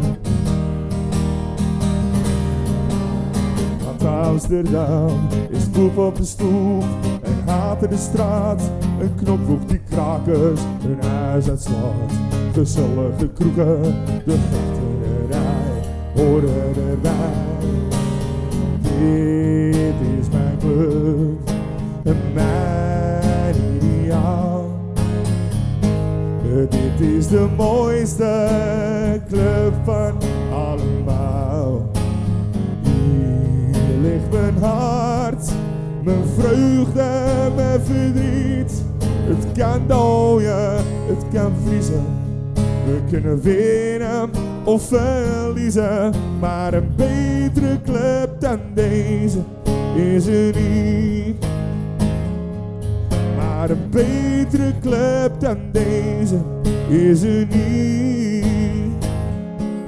Maar een betere club dan deze Amsterdam is niet. Ah, maar jullie mogen maar hoor. Sjoerd Keizer. Arco Gioki. Freek Jansen. Speciaal dank aan eh, uiteraard Ronald de Boer. En eh, Chris Segers.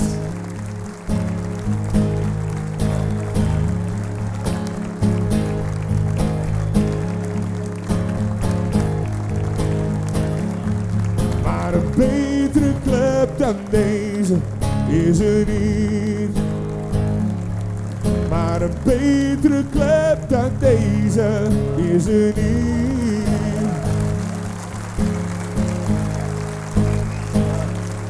Pak schaal live. Wel rustig voor straks. Kom veilig thuis. Doen wij het ook. Super te gek dat jullie er allemaal waren in deze tijden van crisis. Maar eh, wat zou het? Wat, wat zijn we zonder de mannen van Pak Schaal? Nog één keer Amsterdam. Maar een... Is er niet.